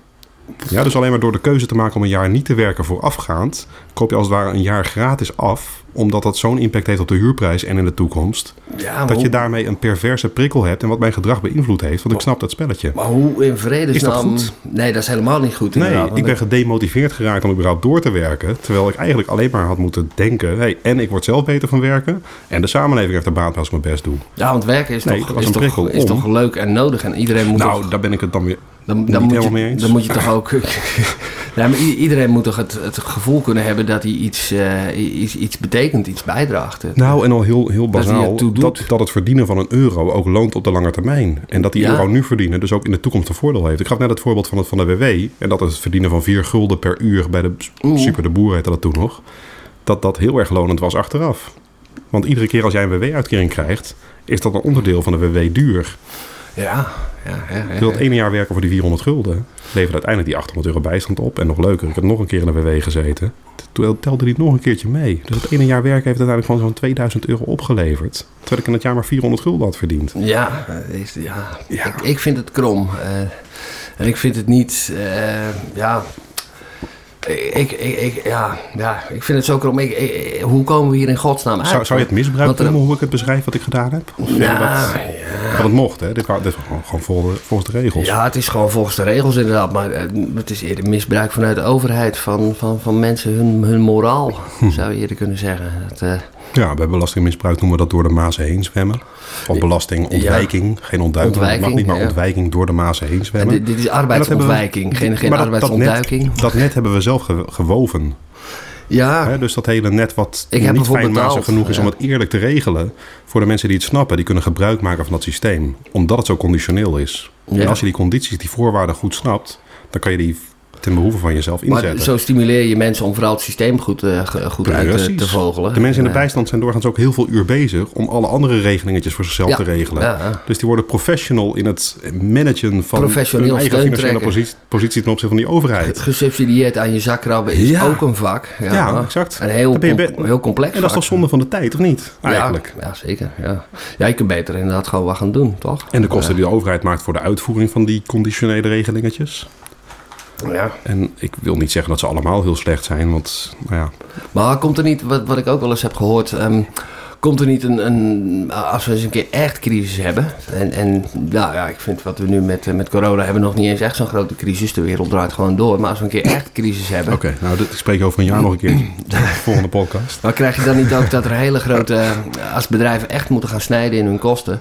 eh, en het gaat echt pijn doen, dat er dan blijkt dat er heel veel bullshit banen zijn. Ja, maar zolang je niet hoeft te snijden in de kosten, omdat de overheid die kosten wel voor jou betaalt, omdat wij Ja, als maar dat- samenleving dat het dan- hebben om als in de toekomst dat wel een keer terug te Nee, maar dat, dat wordt dan ook onhoudbaar. Onze, ja. Dat wordt dan ook een keer onhoudbaar. Waar Als iemand dan? een uitkering krijgt, is het KLM wel. Eh, Ja, En zelfs bol.com krijgt loonsteun en zo. Ja, jongens, we zijn echt de grootste beursgenoteerde multinationale ondernemingen nu gewoon aan het bekostigen om hun... ja alsof, Het eh, alsof ze een melkbaan eh, uitvoeren, inderdaad. Ja, en alsof ze echt op omvallen staan omdat uiteindelijk daar niet investeerders überhaupt zeg maar misschien het risico zouden hebben willen nemen of durven Ja. nemen. Nee, dat moet wel samenleving doen. Ja, vind ik ook zo Beursgenoteerde ondernemingen krijgen gewoon uitkeringen om de loon. Nou ja, sorry. Zoiets als KLM, dat moet, moet ook gewoon stuk. Afschaffen, betreft. ga kapot. Ja, exact. Ja, toch? Eh, ja, dan weet ik dat jij nog nooit in een vliegtuig hebt gezeten ook. Jawel. Oh, toch wel? Ja, Soesterberg. Oh, zo'n kleintje. Ja, op de grond, hè? Oh, In het museum. ja, dat kan natuurlijk ook nog. Oké, ik hoor een belletje. Ik hoor een belletje. Want vliegtuigen is toch een beetje off-topic. eh, Kun je niet beter gratis eten uitdelen in plaats van gratis geld? dat doen we al. Ja, en dat is op zich ook wel een goede om te voorkomen dat spullen over datum gaan bij de supermarkt. Maar ja, ja de voedselbank. Ja. Ja, daar ben ik het niet mee eens. Nee, vertel. Ja, ik vind het ook een beetje, ja. Kijk, ik vind het heel sympathiek dat de supermarkt dingen gratis weggeeft. Ja, sympathiek.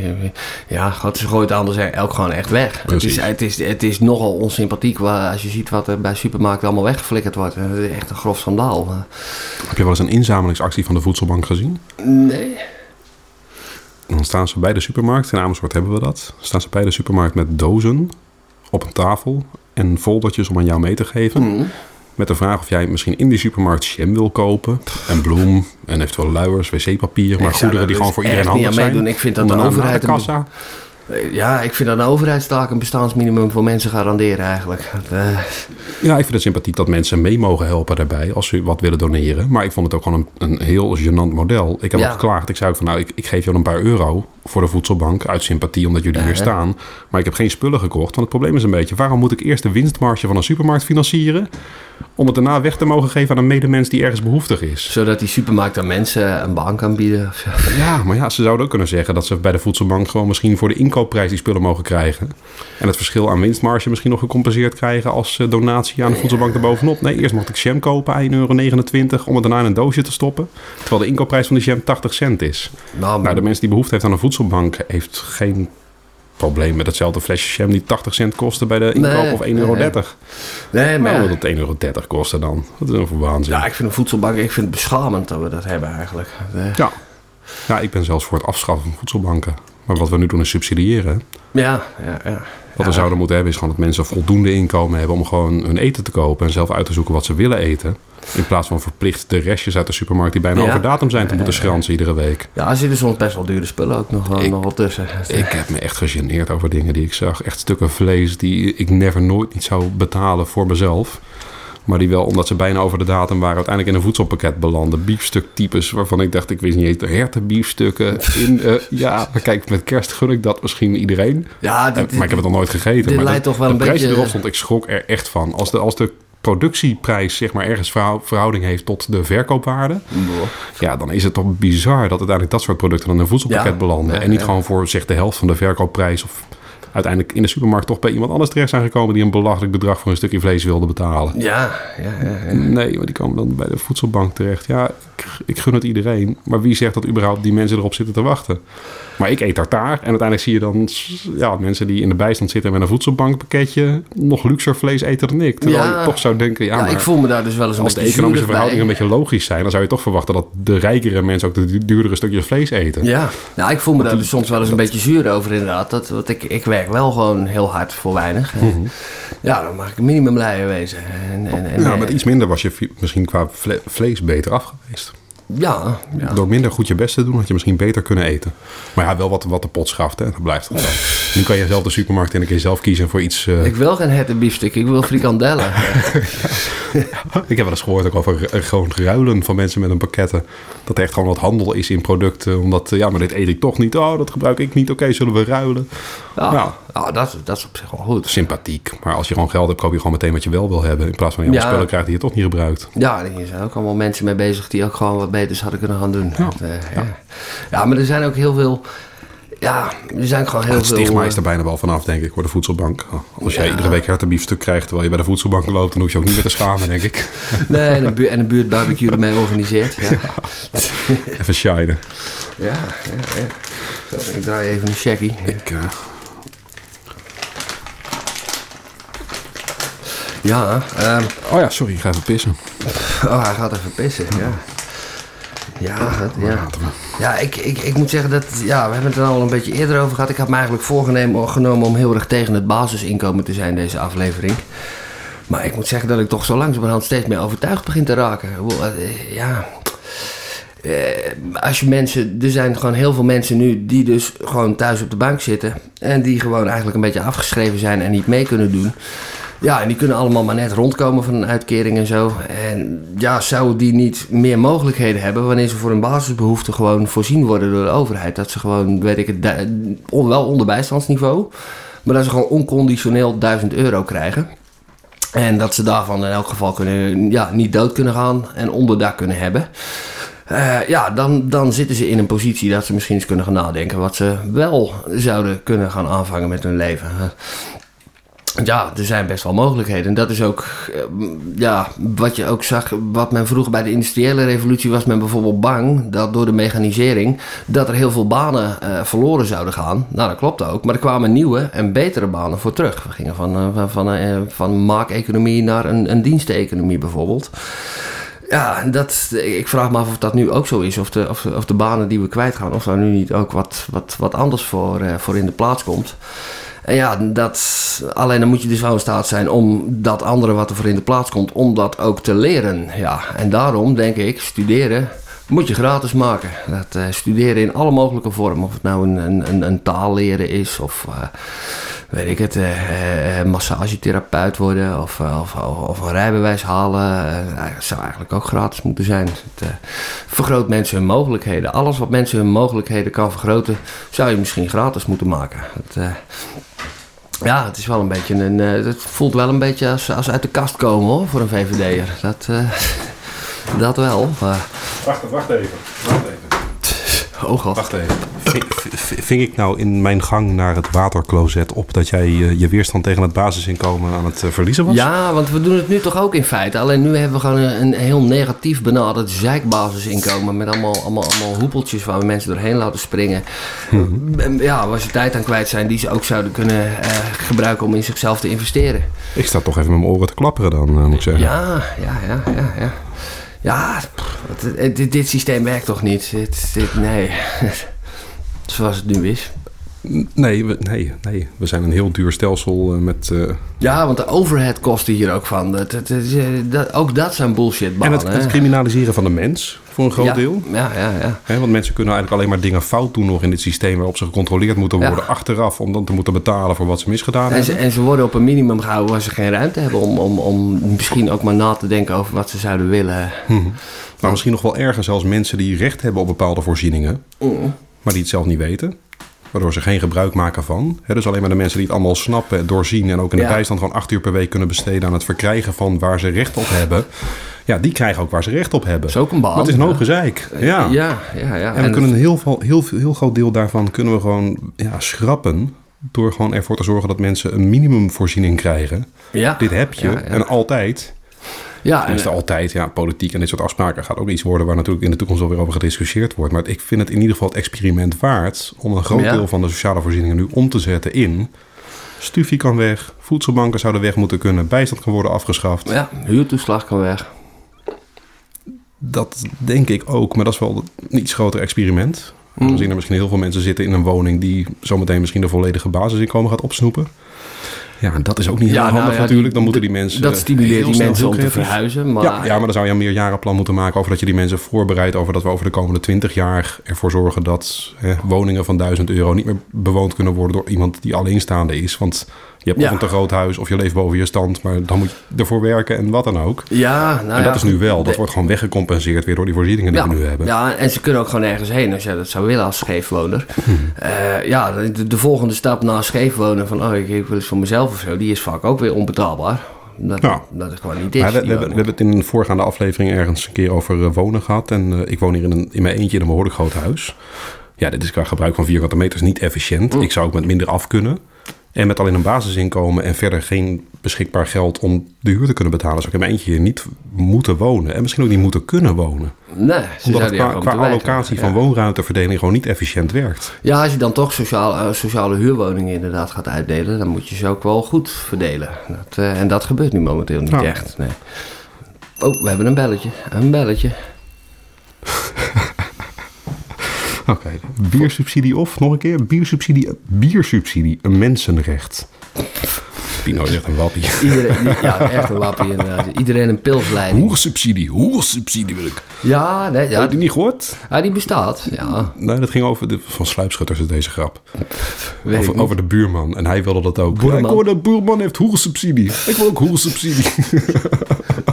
en dat hij, ja, telefoongesprek. is Nou, er bestaat sketch, wel een eh, hoersubsidie hoor. Voor, voor gehandicapten die in een instelling wonen en nooit wat te neuken hebben. Daar bestaan speciale Ja, ja dat, maar hoeren dat- voor die dan uit de, de, de AWBZ geloof ik. eh, Algemene Wet Dat Bijzondere we Ziektekosten. met respect sekswerkers, zou ik Ja, zeggen. ja, nou ja, oh, ja, ja, ja, gewoon huur, huurmensen. Intieme massagetherapeuten. Ja, Nou, ik vind daar een beetje hetzelfde van als bij het huisdier bij mensen in de bijstand. Ik vind, ik vind dat, ja, dat een, een, ja, een, een, liefdevolle compensatie voor Ja, de menselijke het is behoefte die om- anders niet vervuld wordt. het is om grotere problemen te voorkomen, anders dan gaan, kunnen ze niet van de zusters afblijven en. Oké, oh, Ja, dat is ook gewoon... eh, je moet af en toe als man een beetje ontluchten, zeg maar. eh, Ja, ja, dus ja, dan ja. bekostigen we dat collectief ter bescherming van die ander. Ja, hetzelfde met de bijstand. Als Wat een wilde, hè, dat we dat kunnen in dit land. Hè? Ja, nou, ik vind dat heel redelijk. Hè, zoals we het net al over de bijstand, dat mensen die dat niet krijgen of helemaal niks krijgen, uiteindelijk gewoon toch wel iets crimineels moeten doen om voor zichzelf te kunnen zorgen. Ja, zo Ja, met dit ook. geef ja. hetzelfde voorbeeld. Ja. Ja, ja, ja. Maar waarom dan niet voor iedereen? Pino eh, klimt in de pen. Had- Hadden we nog een brief van een luisteraar? Of, eh, oh. Oh, daar komt hij zo mee. Ja, ja ik vind het wel leuk dat wij luisteraars hebben, zeg. Zo. Ja, ik hoor ze niet hoor. Nee, wij zijn, wat dat betreft eh, totaal niet eh, interactief of modern of zo. Oh, de bel, de bel. Eh, een toekomstvisie. Iedereen in een tiny house met een basisinkomen. Een beetje wie, in de mol, wie is de mol kijken en een bierinfuus. Ja, en, en een virtual reality bril. Ja, ja, ja. Ik ga toch D66 stemmen als ik voor een vervoegd levenseinde ben. Ja, dan liever een vervroegd leven zijn hoor, dat vind ik ook. Ik, eh, Ik heb het echt al zelf erg genoeg gemaakt. Dan hoef ik er geen... eh, ik geloof dat ik me toch liever uit de naad werk en hoop dat het ooit nog eens een keer wat wordt dan dat ik in een tiny house met een basisinkomen. eh, Jezus, ja, nee. Nee, maar het leuke is wel, we hadden Dan ik, ik had net die suggestie ja. over, over mensen die uiteindelijk in de bijstand belanden anno nu.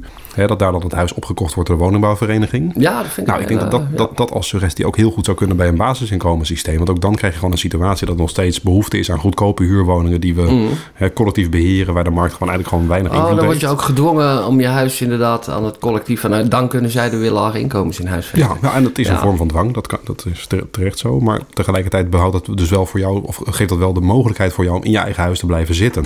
Ja, voorlopig. Ja. En ja, dat huis is niet meer van u, maar dat vind ik in alle opzichten wel redelijk. Als jij met heel veel vermogen zit en je gaat wel een uitkering vragen van de samenleving Hmm. om dat te compenseren.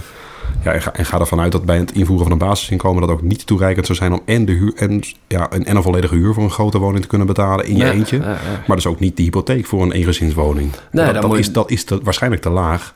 Want hoe hoog zou een basisinkomen moeten zijn? Mm, Iets onder bijstandsniveau dan, denk ik. Dat, Onder. eh, Ja, en, en on- onconditioneel. Dus je krijgt dan duizend in de maand. En als je dan een halve werkweek draait achter op de vuilniswagen... Mhm.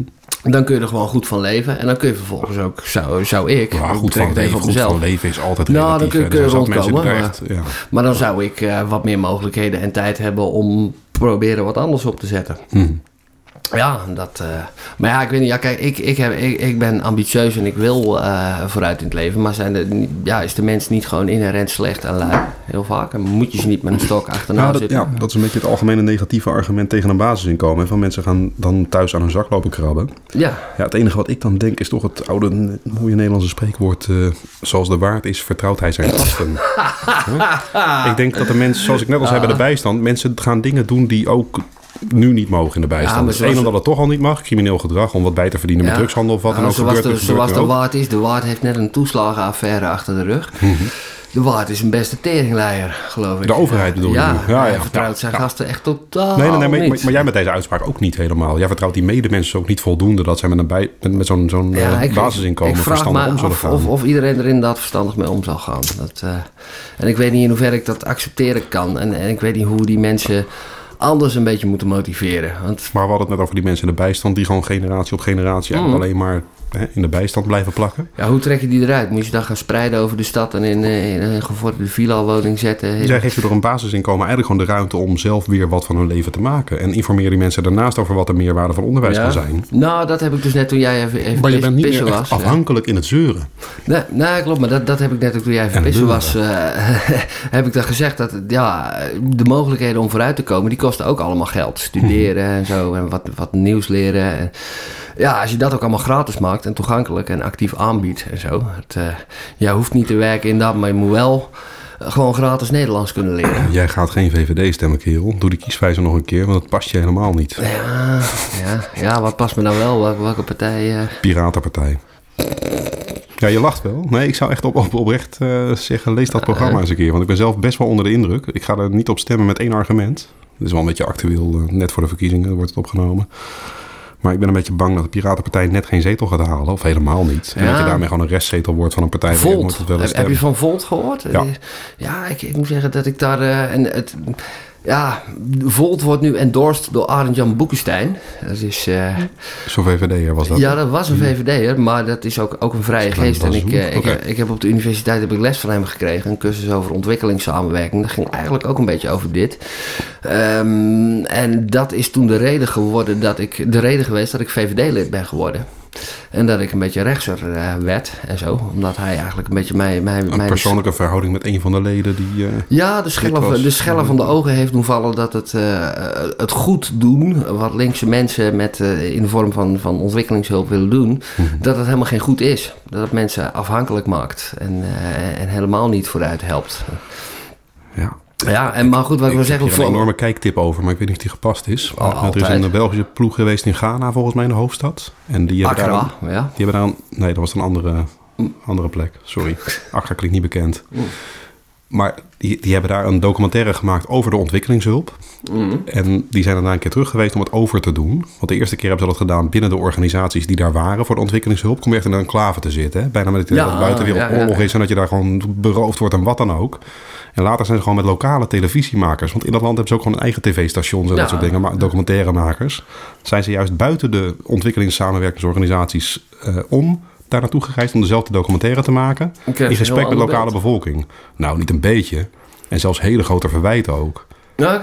En, te- en terecht. Ja, het en terecht. beetje- Ze zeiden ook van alles wat jullie hier komen doen aan ontwikkelingshulp... wordt door de mensen uit het Westen, die worden gestuurd... die gaan het geld verdienen, die Ja. gaan het geld verbrassen. En dat was het voor het ons. enige wat die ontwikkelingshulpwerkers ons hier, hier, hier in dit land doen, is eh, de huurprijzen omhoog drijven. En foto's maken van mensen die zielig zijn en dat soort dingen... om reclame te kunnen maken voor geld. Ja, het is het afkopen van, van een schuldgevoel. Zo, ja. En die documentairemakers zeiden zelfs... jongens, als jullie in plaats van een Belgische ploeg naar ons hadden gestuurd... gewoon dat geld aan ons hadden gegeven... hadden wij deze documentaire voor jullie kunnen maken. Hadden wij er wat aan over Lokale Maar het gaat weer over ja. ons, door jullie.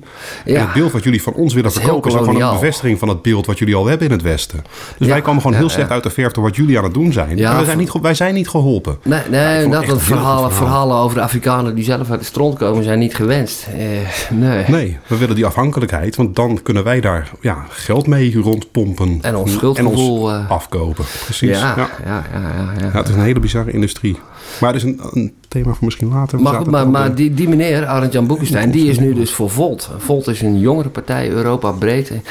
Ja, misschien, misschien moet ik daar toch nog even naar kijken. Want het is hier- Wanneer komt het thema over de Europese Unie? Want eh, die ik wil weet ik namelijk dat eigenlijk Volt wel- best wel wel- eh, pro-EU is. En eh, Ja, je ze- weet waarom ik er niet op ga stemmen dus. Hè? Nou, ze zijn transnationaal. Dat, dat vind ik op zich wel Hmm. mooi. Het, Klinkt eh, ja, transnationaal. Ja, klinkt een beetje transgender bedoel je.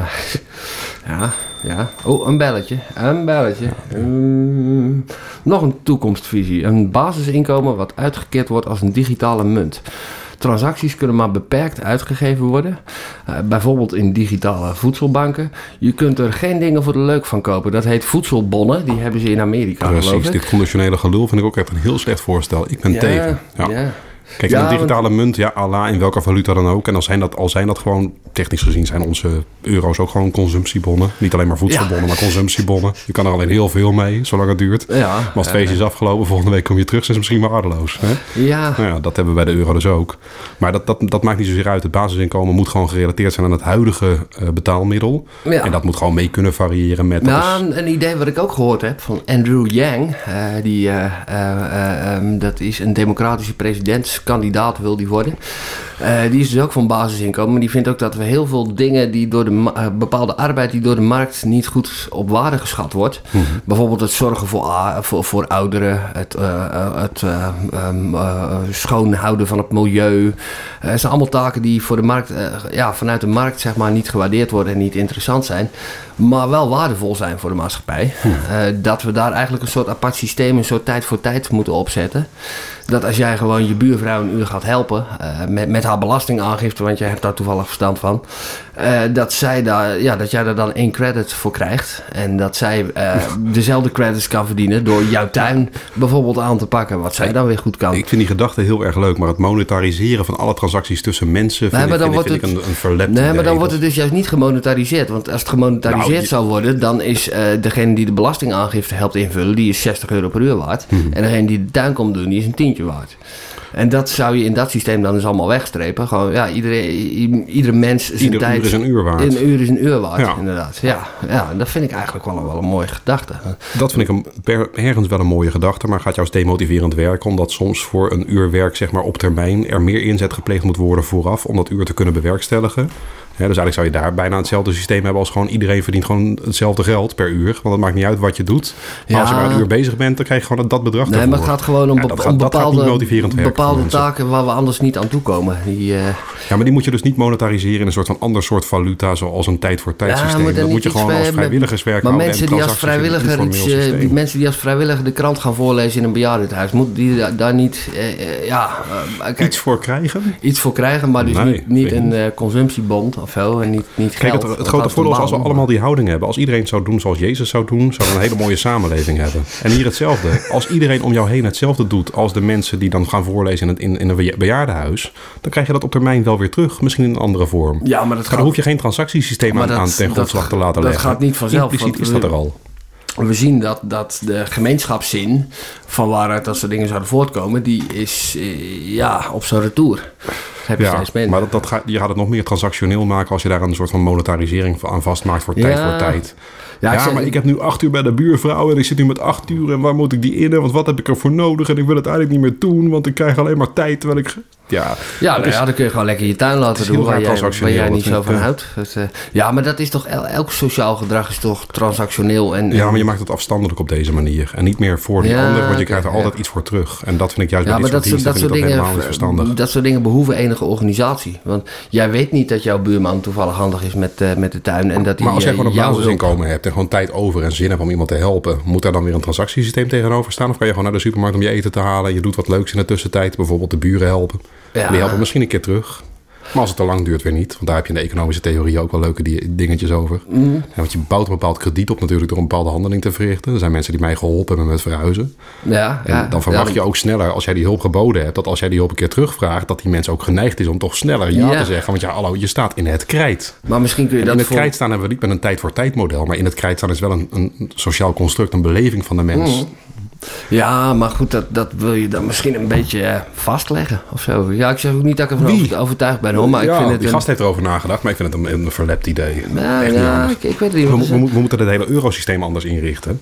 En daarmee dus ook gewoon een soort van ja, een basisvoorziening voor alles en iedereen. Zodat je weet dat er een bepaalde onderkant is waar je niet doorheen zakt. Ja, nou dat vind ik er dus ook interessant. Dan, dan, dan hebben mensen ook... Kijk, eerst komt dat fressen, dan komt die moraal, zei Bertolt Brecht. Mhm. En daar had hij denk ik ook wel gelijk in. Men- Mensen hebben helemaal geen tijd en zin om, om goed te doen... wanneer ze moeten, moeten, moeten, ja, moeten vechten om te overleven. Overleven, ja precies. Ja, dan, dan haal je niet het beste En in dat, de en mens dat mee naar stukje ook af met de bijstand. Maar dan wel weer met allemaal gezeik erbij. En controles Ja. achteraf en terug moeten betalen. En Ja, als worden bestempeld. En crimineel, wat dan ook. Je bent als mens niet geboren als crimineel of profiteur of wat dan ook. Maar niet iedereen heeft dezelfde kansen en uitkomsten. Nee. Maar dan moet je de mensen ja. aan de onderkant niet criminaliseren zoals we nu doen. Dat Nee. doen we nu wel hierdoor. Met Ja, een enorm controleapparaat erop en boetes en terugvorderingen. En dat gaat de- ook allemaal niet lukken. Want die mensen zitten niet voor niks in zo'n Het is afhankelijke de, positie. de mythe van een meri- meritocratie, zeg maar. Alsof de armen inderdaad verdiend hebben dat ze arm zijn... en dat de rijken ook werkelijk gewoon dat verdiend hebben. En niet alleen maar gewoon mazzel hebben gehad of zo. En white privilege. En, eh, Ja, ja voor, voor een deel eens. Maar ik vind, het, ik vind het meer een hele domme invulling van een sociale voorziening. Om ervoor te zorgen dat de mensen die het het minst goed hebben ook een beetje ervan af kunnen. Of ja, ermee mee rond kunnen komen. We hebben het gewoon heel complex gemaakt. Uit wantrouwen. Ja, ja, Vanwege uit dat idee. Ja, mensen ja. gaan foute dingen doen met hun geld. En mensen kunnen er niet mee omgaan. En dat, dat Maar wantrouwen... de mens is creatief. Klopt, en dat Wij wantrouwen... zijn hier niet gekomen door een overheid die van alles voor ons organiseerde. Wij hebben zelf Nee. die overheid ooit opgericht om voor ons dingen te regelen. Zelforganisatie, Terwijl de overheid nu ons aan het organiseren is. In alle opzichten. Ja, ja, dat, dat is niet de verhouding waar we in zouden moeten willen Nee, zitten. er zijn ook allerlei dingen die zijn ooit als zelforganisatie vanuit bepaalde groepen gekomen. Zoals vakbonden, pensioenfondsen, eh, woningbouwcorporaties. Die kwamen allemaal vanuit een bepaalde groep mensen, gereformeerde socialisten, wat Hmm. dan ook. Die eh, voor elkaar dan voorzieningen en ook, ook verzekeringen bijvoorbeeld. Dat, Het begon als organisatieverbanden begon- van onderaf. Ja. En het werden organisatieverbanden van bovenaf. het wordt geïnstitutionaliseerd uiteindelijk en overgenomen door een staat. En, en daarmee erodeert de staat die gemeenschap eigenlijk steeds verder. Het, eh, maar ja, wat voor gemeenschapszin, wat is de gemeenschapszin van de toekomst? Waar moeten we het samen willen doen? Ik, Omdat we er baat bij hebben. om de Chinezen eronder te houden, om Maar niet dat- overvleugeld te worden. Oh, analoge aanwijzingen. Toekomstmuziek, you will own nothing and you will be happy about it. Ja, dat is een uitspraak van eh, iemand van het eh Davos Forum, waar eh, machtige mensen over de toekomst praten. Rutger. Nou ja, ja Rutger, eh, eh, Rutger Bregman bedoel je? Oh, dat, nee, dat, was een paar jaar daarvoor, hè? Ja, Ook op die, ja die heeft dat toen inderdaad over, over belastingontwijking en zo eh, praten. Ik Ook wel een goeie. want- Ja, want dat is ook zo de factor arbeid, die kun je wel belasten. Dat doen we nu. Inkomstenbelasting, zo financieren we deze shit. Maar eh, de factor arbeid wordt in het creëren van kapitaal ook steeds minder belangrijk eigenlijk. Het is meer techniek die, eh, die tegenwoordig... eh, en, en, en Google betaalt geen belasting. Eigenlijk zou bij iedere Google search misschien gewoon een, eh een dipje in de pot moeten mogen doen. Het, Nou, hij profiteert van een grote subsidies op groene energie ook, hè? Oh. waar worden die centrales gebouwd om die datacenters... in de Flevopolder. ja, ja. naast de windmolens om ervoor te zorgen dat die groen kunnen worden gestookt. Ja. Tegenwoordig. Ja, één keer Google is een liter water koken of zo. Dat is gehoord. Ja? Dat, eh, ja. Ja, maar er zijn dus zeg maar, de grote economische actoren van deze tijd. die ontsnappen eigenlijk aan het, eh, het, het, belastingssysteem. Grotendeels. En dat maakt dus dat, die ste- dat je een steeds kleinere taxbase krijgt. Gewoon de, de mensen die dan wel dat hele systeem moeten opbrengen. De werkende man, ja, dat zijn er steeds minder. Want dat is niet waar, waar het kapitaal en de welvaart geschapen wordt. En Nee, maar het probleem is ook een beetje bij belastingen. Het is natuurlijk gewoon veel makkelijker om van iedereen een klein beetje af te pakken dan van één iemand heel veel, hè? Ja, En, van, en, van, een- en van anderen weer helemaal niks afpakken. Want anders dan dreigen ze naar, naar een ander land met een vriendelijker Ja, belastingklimaat precies. eh, te verhuizen, inderdaad. En ja, die, eerlijk, die, die, die macht hebben de bedrijven alleen maar aangezien gewoon hun positie te groot is. Ja, In verhouding tot overheden. ja, die uiteindelijk voor de mens iets zouden willen doen in een democratisch systeem. Ja, want de Nederlandse Ja, staat of zo, die, eh, eh, die, die, die stelt niet zoveel voor tegenover Google. Maar Nee, en de Europese Unie doet alsof. Ja, nou, die Ja, zou die- best wel wat meer kunnen. Die heeft ook gewoon voor zichzelf een soort van basisinkomen geregeld. Eens in een paar jaar leggen we gewoon 5 miljard boete op. En dan kunnen wij onszelf weer financieren met dat geld. Ja, ja, ja.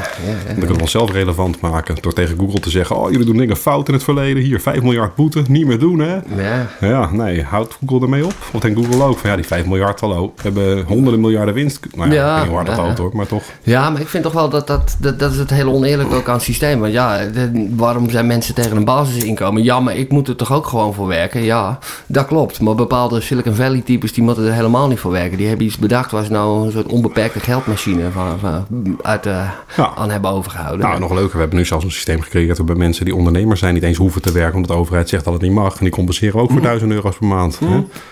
Ja, alleen maar om de huurbaas te kunnen betalen ook uiteindelijk. Of de, de Heinekens, eh, de Ja, eigenaren ja, van die kroegen indirect. ja, dus wat sponsoren we nou echt? Uiteindelijk niet het individu hoor. We sponsoren dit systeem. we zijn dit systeem aan het in stand houden ten koste van alles. Omdat, ja, dat levert banen op. Ja, maar het is allemaal van onderaf gecreëerd. Ja, Wij vind- hebben dit door creatieve ondernemers Is opgebouwd. dit, is dit dat kunnen we nog een keer. Is dit de zwanenzang van het eh, klassieke kapitalistische model die we hier nu denk eh, zien? Ik, denk, ik denk het wel. Ik denk het wel. En misschien wel voor een groot deel ondermijnd ook door het monetaire systeem. Maar ook wel door de wijze waarop wij denken dat we dit als zeg maar ideaalbeeld willen hebben en vast willen houden ten koste van eigenlijk het zelf zelfs. Ja. Wij offeren het kapitalisme om het kapitalisme wat we denken te hebben in stand te houden. Ja, alsof dat Zou zo mooi is. Ja. Ja. Ik ga deze zin nog een keer heroverwegen. Want ik Ja, en ik vind, ik dat in, eh, in Europa valt nog mee, maar in Amerika daar is dat nog heel veel gekker. Daar, eh, ja, daar, daar is gewoon de mensen die de belasting op moeten brengen, dat zijn nog veel minder mensen dan hier. Mhm. En daar is de categorie die eh, bij zijn moeder in de kelder blijft wonen en alleen maar games, die is nog veel groter dan bij ons ook. Hè. Nou, geef ze 600 euro, 600 dollar. Ja. Als check. En, Ja, ja, hoor je er iemand ja. over? Ja, ja, ja, ik had het echt niet verwacht van tevoren, maar eh, een basisinkomen, ja, ik ben ervoor. Je bent gewoon om. Ik ben om. Ja, en dat, dat, dat, dat is wat intelligente mensen doen. Hè. Die kunnen zich, eh, ja, op, basis van nieuwe Ja. informatie kunnen die zich herbezinnen op hun positie. Hugo de Jonge, luister hier mee.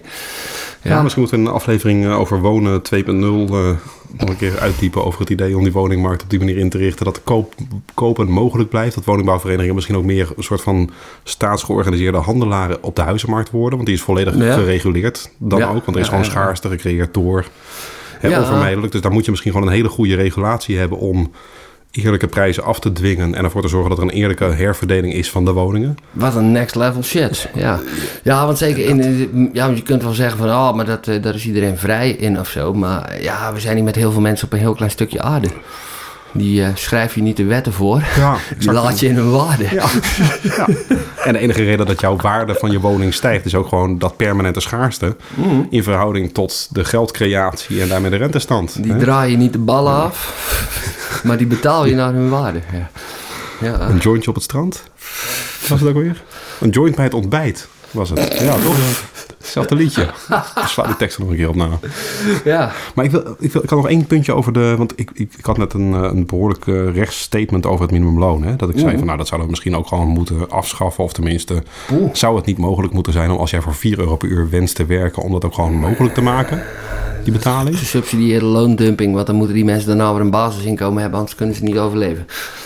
Ja. misschien deels. Maar tegelijkertijd ook als de marginale waarde die je oplevert als arbeider... niet groter is dan die 4 euro. Hè, we hebben nu sociale werkplaatsen en gesubsidieerde arbeid. Nou, die hebben we niet Verplichte meer. arbeid door... Die zijn helemaal afgeschaft. Ja, ze zijn helemaal afgeschaft. Zeg, fuck dat. Die nou mensen die kosten nou gewoon nog meer geld. Ja, er zijn nog steeds wel dagbestedingsprojecten... wat misschien toch bijna hetzelfde is... maar dan helemaal niks oplevert in de verkoop. Nee, dat levert echt helemaal niks op. Ja, er, zijn, er mensen die daar een baan in hebben dan, die Maar dat moeten wat, wat je wel mogelijk zou maken is in combinatie met een basisinkomen... is wel dat mensen die gewoon qua marginale meerwaarde op de arbeidsmarkt... maar 4 euro per uur kunnen opleveren... ja, die kan je gewoon eigenlijk niet voor 8 euro in dienst nemen... want dan maak je gewoon 4 euro per uur verlies. het klinkt als een melkertbaan.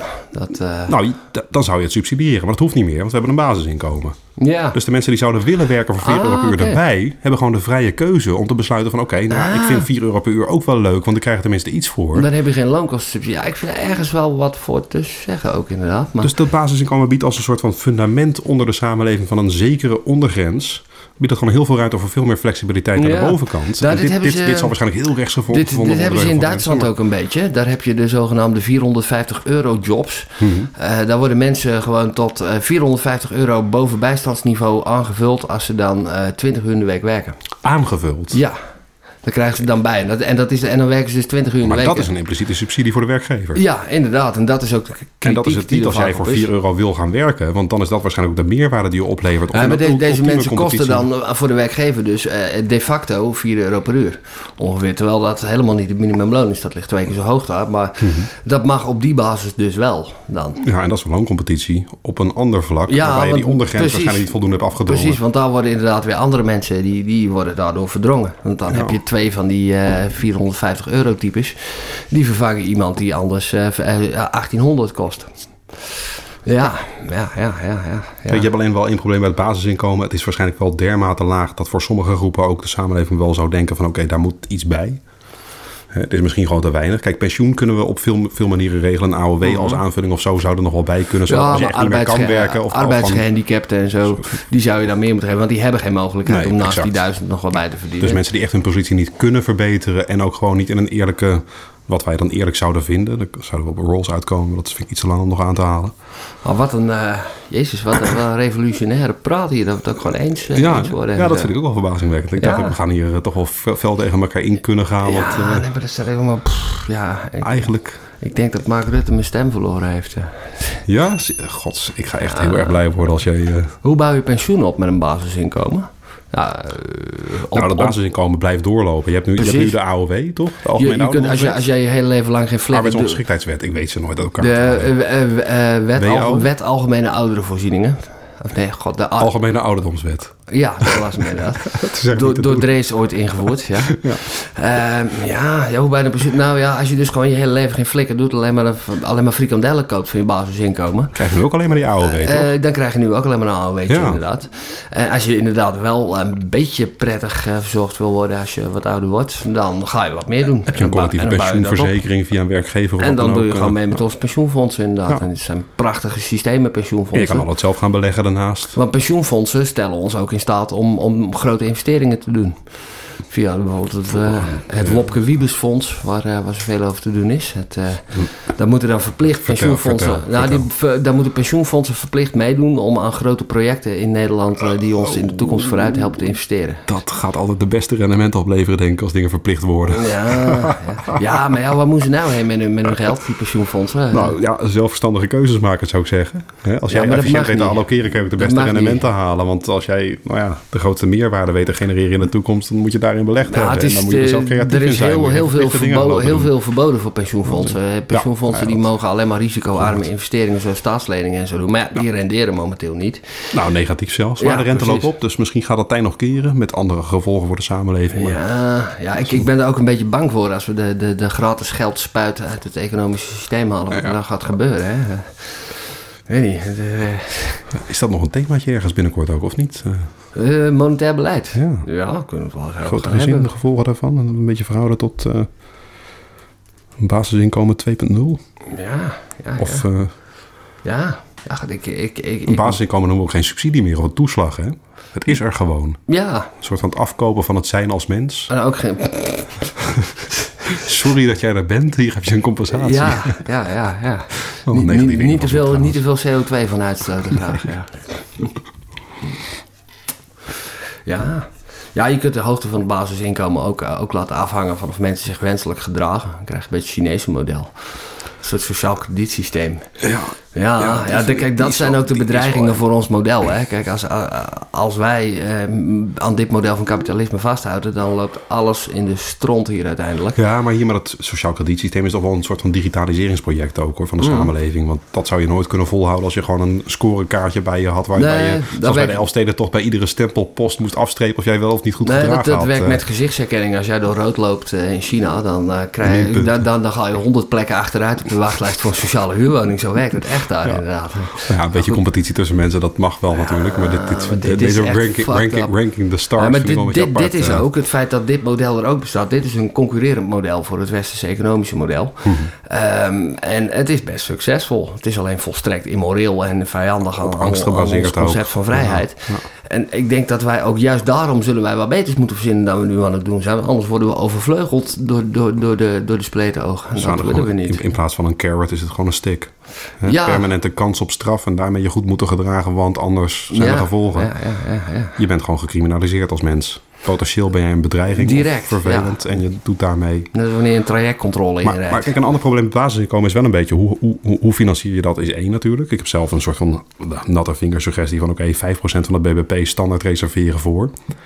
Maar dat BBP fluctueert ook weer natuurlijk, hè? Ja, precies. Dan krijg je En dat fluctueert. Dat is De behoefte maar- op de arbeidsmarkt fluctueert ook. Moet daar een soort van flexibiliteit, flexibiliteit in dat basisinkomen zitten? Dat dat eventueel kan meebewegen met de we behoefte hebben, we op de hebben het dit jaar met z'n allen best lekker gedaan, dus we gaan wat meer doen. Dat wel. Nou, nee, ja, eigenlijk andersom. Want als we het met elkaar lekker doen, is er veel behoefte aan arbeid waarschijnlijk. Dus moet misschien juist dat basisinkomen iets omlaag. dan mag die iets omlaag als iedereen toch lekker aan het werk is. En sparen we iets van wat er overblijft van het BBP Ja. in een Ja, ja. pot... om in de toekomst als wat minder gaat... Ja, het basisinkomen juist iets te kunnen verhogen... zodat mensen Ja. die zouden willen werken ook denken van... oké, er is geen werk tegen dit bedrag... blijf ik ook wel iets langer thuis... want ik vermaak me wel ja, met maar dan, 1200 maar dan heb euro. ik tenminste wel de mogelijkheid om, om wat anders eh, te gaan ontwikkelen. Ja. ja, ja, ja, ja. En als het dan weer goed, goed is en het trekt weer een beetje aan... dat we dan het basisinkomen weer verlagen... zodat mensen weer net iets meer motivatie... Ja, om dat werk te, te gaan zoeken wat er ook is, inderdaad. Ja, Je maakt het wel heel onzeker natuurlijk op die manier. Dus dat is tricky. Maar ja ik- maar dat is het leven nu eenmaal. Dat moeten mensen ook voelen. Want die, die, er wordt te veel zekerheid geboden anders. Want, eh, ja, ja, maar dit, dit vind ik wel een beetje lastig hoor. Omdat je al iedere vier jaar dan eventueel in een... eh, kun, ja, kun jij iets vertellen over de Expanse? Of kan je, ja, de Expanse. Ja, oh, ik kan er trouwens wel iets over vertellen. Ik, eh, dat is een, eh, een science fiction serie die mij getipt werd. Eh Slinger de Piraten bij aan. Ehm, daar, daar hebben ze dus een basisinkomen. Maar dat is wel een beetje dystopisch. Daar is het dus zo dat je eigenlijk een tweeklassenmaatschappij krijgt. Dat, de, de mensen die waar- waar- waarom een twee-klassenmaatschappij dan? Nou, Waar de mensen die on basic zitten en die komen daar niet zo makkelijk uit. Zeg maar, die ja, worden gewoon een beetje, ja, die krijgen een warme deken van frikandellen, virtual reality bril en bierinfuus. Ehm, maar ja, en als ze daar dan uit willen en wat meer willen, echt wat meer willen, dan, moet, ja, dan moeten ze heel erg concurreren ineens. Om, om, om de beschikbare studiemogelijkheden om, om, om jezelf vooruit te helpen in het leven. Eh, ja, ja, ik weet niet. Ja, kunnen we dat positiever doen? Of, Ja, maar ik vind, ik het, het klinkt een beetje als de bijstand. Hè. Er komen ook heel veel mensen niet uit. ja, En nou, ja. die ja, gestigmatiseerd voelen in zo'n positie. Ja, ik vind het een beetje- een beetje on- klinkt, als hetzelfde als, uh, als Het is een beetje een ongeloofwaardig verhaal, want dat is dan een, een verre toekomstmaatschappij waarin we schijnbaar alles kunnen. Ja, dan kun je dus ook die mensen meer bieden. Toch? Dat moet dan gewoon kunnen. Dat, eh, En dat kunnen we nu ook als je ziet wat we allemaal kunnen betalen nou aan, eh, aan vraaguitval in de markt door corona en zo. Ja, dat is een lange termijn vraagje of we dat echt wel kunnen betalen. Ik geloof het niet, maar we doen nu nog heel erg alsof. Ja, Het geld is toch gratis. Ja, Nou, op de lange termijn gaan die kosten wel een keertje als een boemerang terugkomen. Mm. En dan eh, gaat het basisinkomen in één keer misschien ook van heel veel partijprogramma's verdwijnen. Want dat wordt onbetaalbaar. En, eh, oh ja. ja. Dat is tegen die tijd. Als je niet spaart, heb je niks. En als je alleen maar, Maar schulden hebt, dan is het heel lastig om te herverdelen. Want Maar zijn er eigenlijk eh, zijn er partijen die hier eh, eh, eh, constructieve gedachten over hebben opgeschreven? Ik weet dat eigenlijk niet. Maar... Ja, ik moet eerlijk zeggen dat ik ook niet zo goed op de hoogte ben van de, van de partijprogramma's van individuele partijen die echt serieus meedingen. Ja, ik denk dat Maar de heel... Piratenpartij is voor. Oké, ja, oh, nou, dat, dat is dan al een tip. Maar ik denk dat heel veel ehm, ehm, ja, mensen die over dit soort dingen... GroenLinks vroeger ook. Maar nu, ik weet het Niet niet. meer? Ik denk het niet. Nou, ik denk Ja. het niet. Ja, Femke Halsema was destijds ervoor dat, dat bijstand verplicht een tegenprestatie moest hebben. Dus ja. Mhm. Ja, ja, dan kun je ook een conditioneel basisinkomen noemen dan. Dat, Ja, maar ja, dat is de bijstand nu ook al, hè?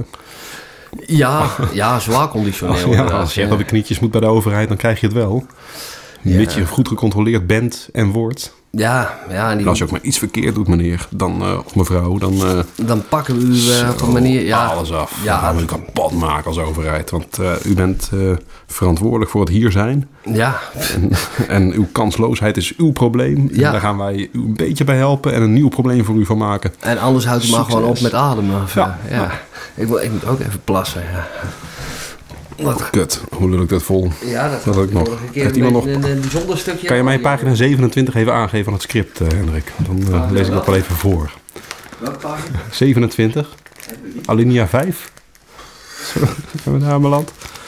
Kut. Nou, ik uh, ben nog een jointje en eh, pak er zelf ook nog wat bij. Ik bedoel, die tijd is zo moeilijk voor een eindje.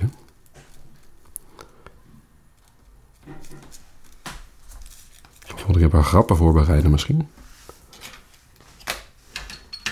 Of heeft Pino nog een beetje ruimte voor interactie?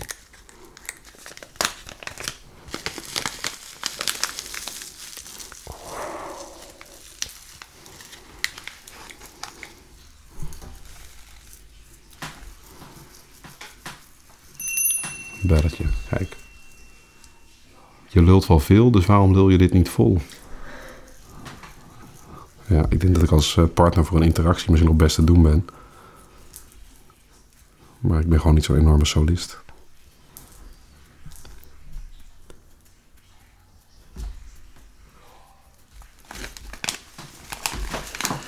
Oké. Ja.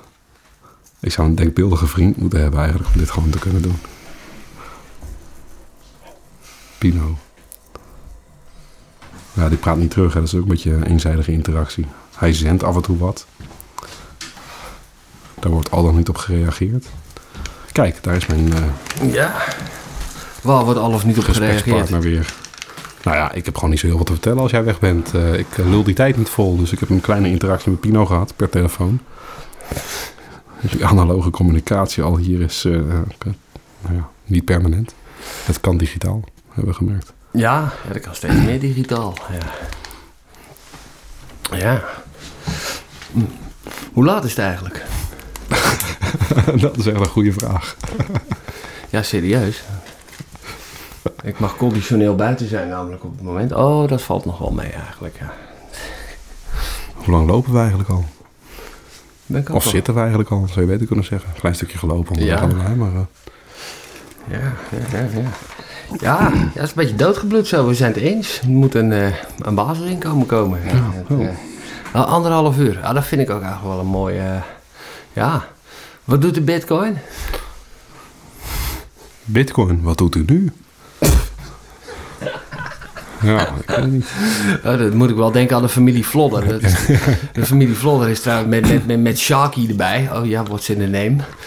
Dat is eigenlijk wel Ja, maar die mooi. moet je echt niet gaan uitleggen. Want mensen die dat dit luisteren en dat nooit gezien hebben... die hebben echt geen televisie gehad. En die zitten in de Bijbelbelt. Die, eh, Ja, maar Sharky is ook wel een voorbeeld eigenlijk van de goedwillende linkse ambtenaar... die, eh, die denkt dat hij tokkies kan helpen door, eh, door ze te pamperen. zeg zodat die mensen die woning hebben gekocht, de vlodders. Nee, nee, die die, hebben ze, die hebben ze gekregen. En dat was ook een sociaal experiment en zo. Oh ja, gekregen was het. Ja, ja, omdat inderdaad ook, eh, ja, ook, ook tokkies Om mensen te integreren. verdienen een kans, zeg maar. Dat is een beetje het idee erachter. Dat, eh, mm. Ja, ik ben een beetje uitgeluld. Heb jij nog wat? Eh, Ik zat in een script te kijken. Ja. Ja, het moet ook mogen, toch? Ik trek het morele karakter van... Oh, sorry. nee, heb jij dat... sorry. coronas, mensen, coronas. Heb je de tv-kantine nog gezien De wij? afgelopen week? Ja, ik heb niet zoveel met kantines, nee. Nee, ik heb eh, Omloop het Nieuwsblad eh, gezien. Wij? Voor de insiders deze. Ja, dat is nog wel voor de insiders inderdaad. Ik, eh, ik ken dat niet, nee. Nou goed, tot eh, een volgende aflevering allemaal. Die, eh, oh, misschien hebben we dan weer wat meer strijd, ja. Ik eh, krijg in elk geval een heel apart gevoel van binnen. Dat, eh, ik heb de zomer in mijn bol. hey, proost. ja, proost, ja. Houdoe. Deze uitzending werd gesponsord met de hulp van Diazepam. Ervaart u normale menselijke emoties ook als een last? Vlak u zelf dan af met Diazepam. Diazepam. Leven zonder gevoel omdat het kan. Dat vind ik inderdaad zo'n vraag in sollicitatiegesprekken. Waar- waarom wil je bij ons bedrijf werken? Nou ja, eh, omdat het eh, de aard van ons economische systeem mij ertoe dwingt mijn arbeid eh, voor geld aan te bieden.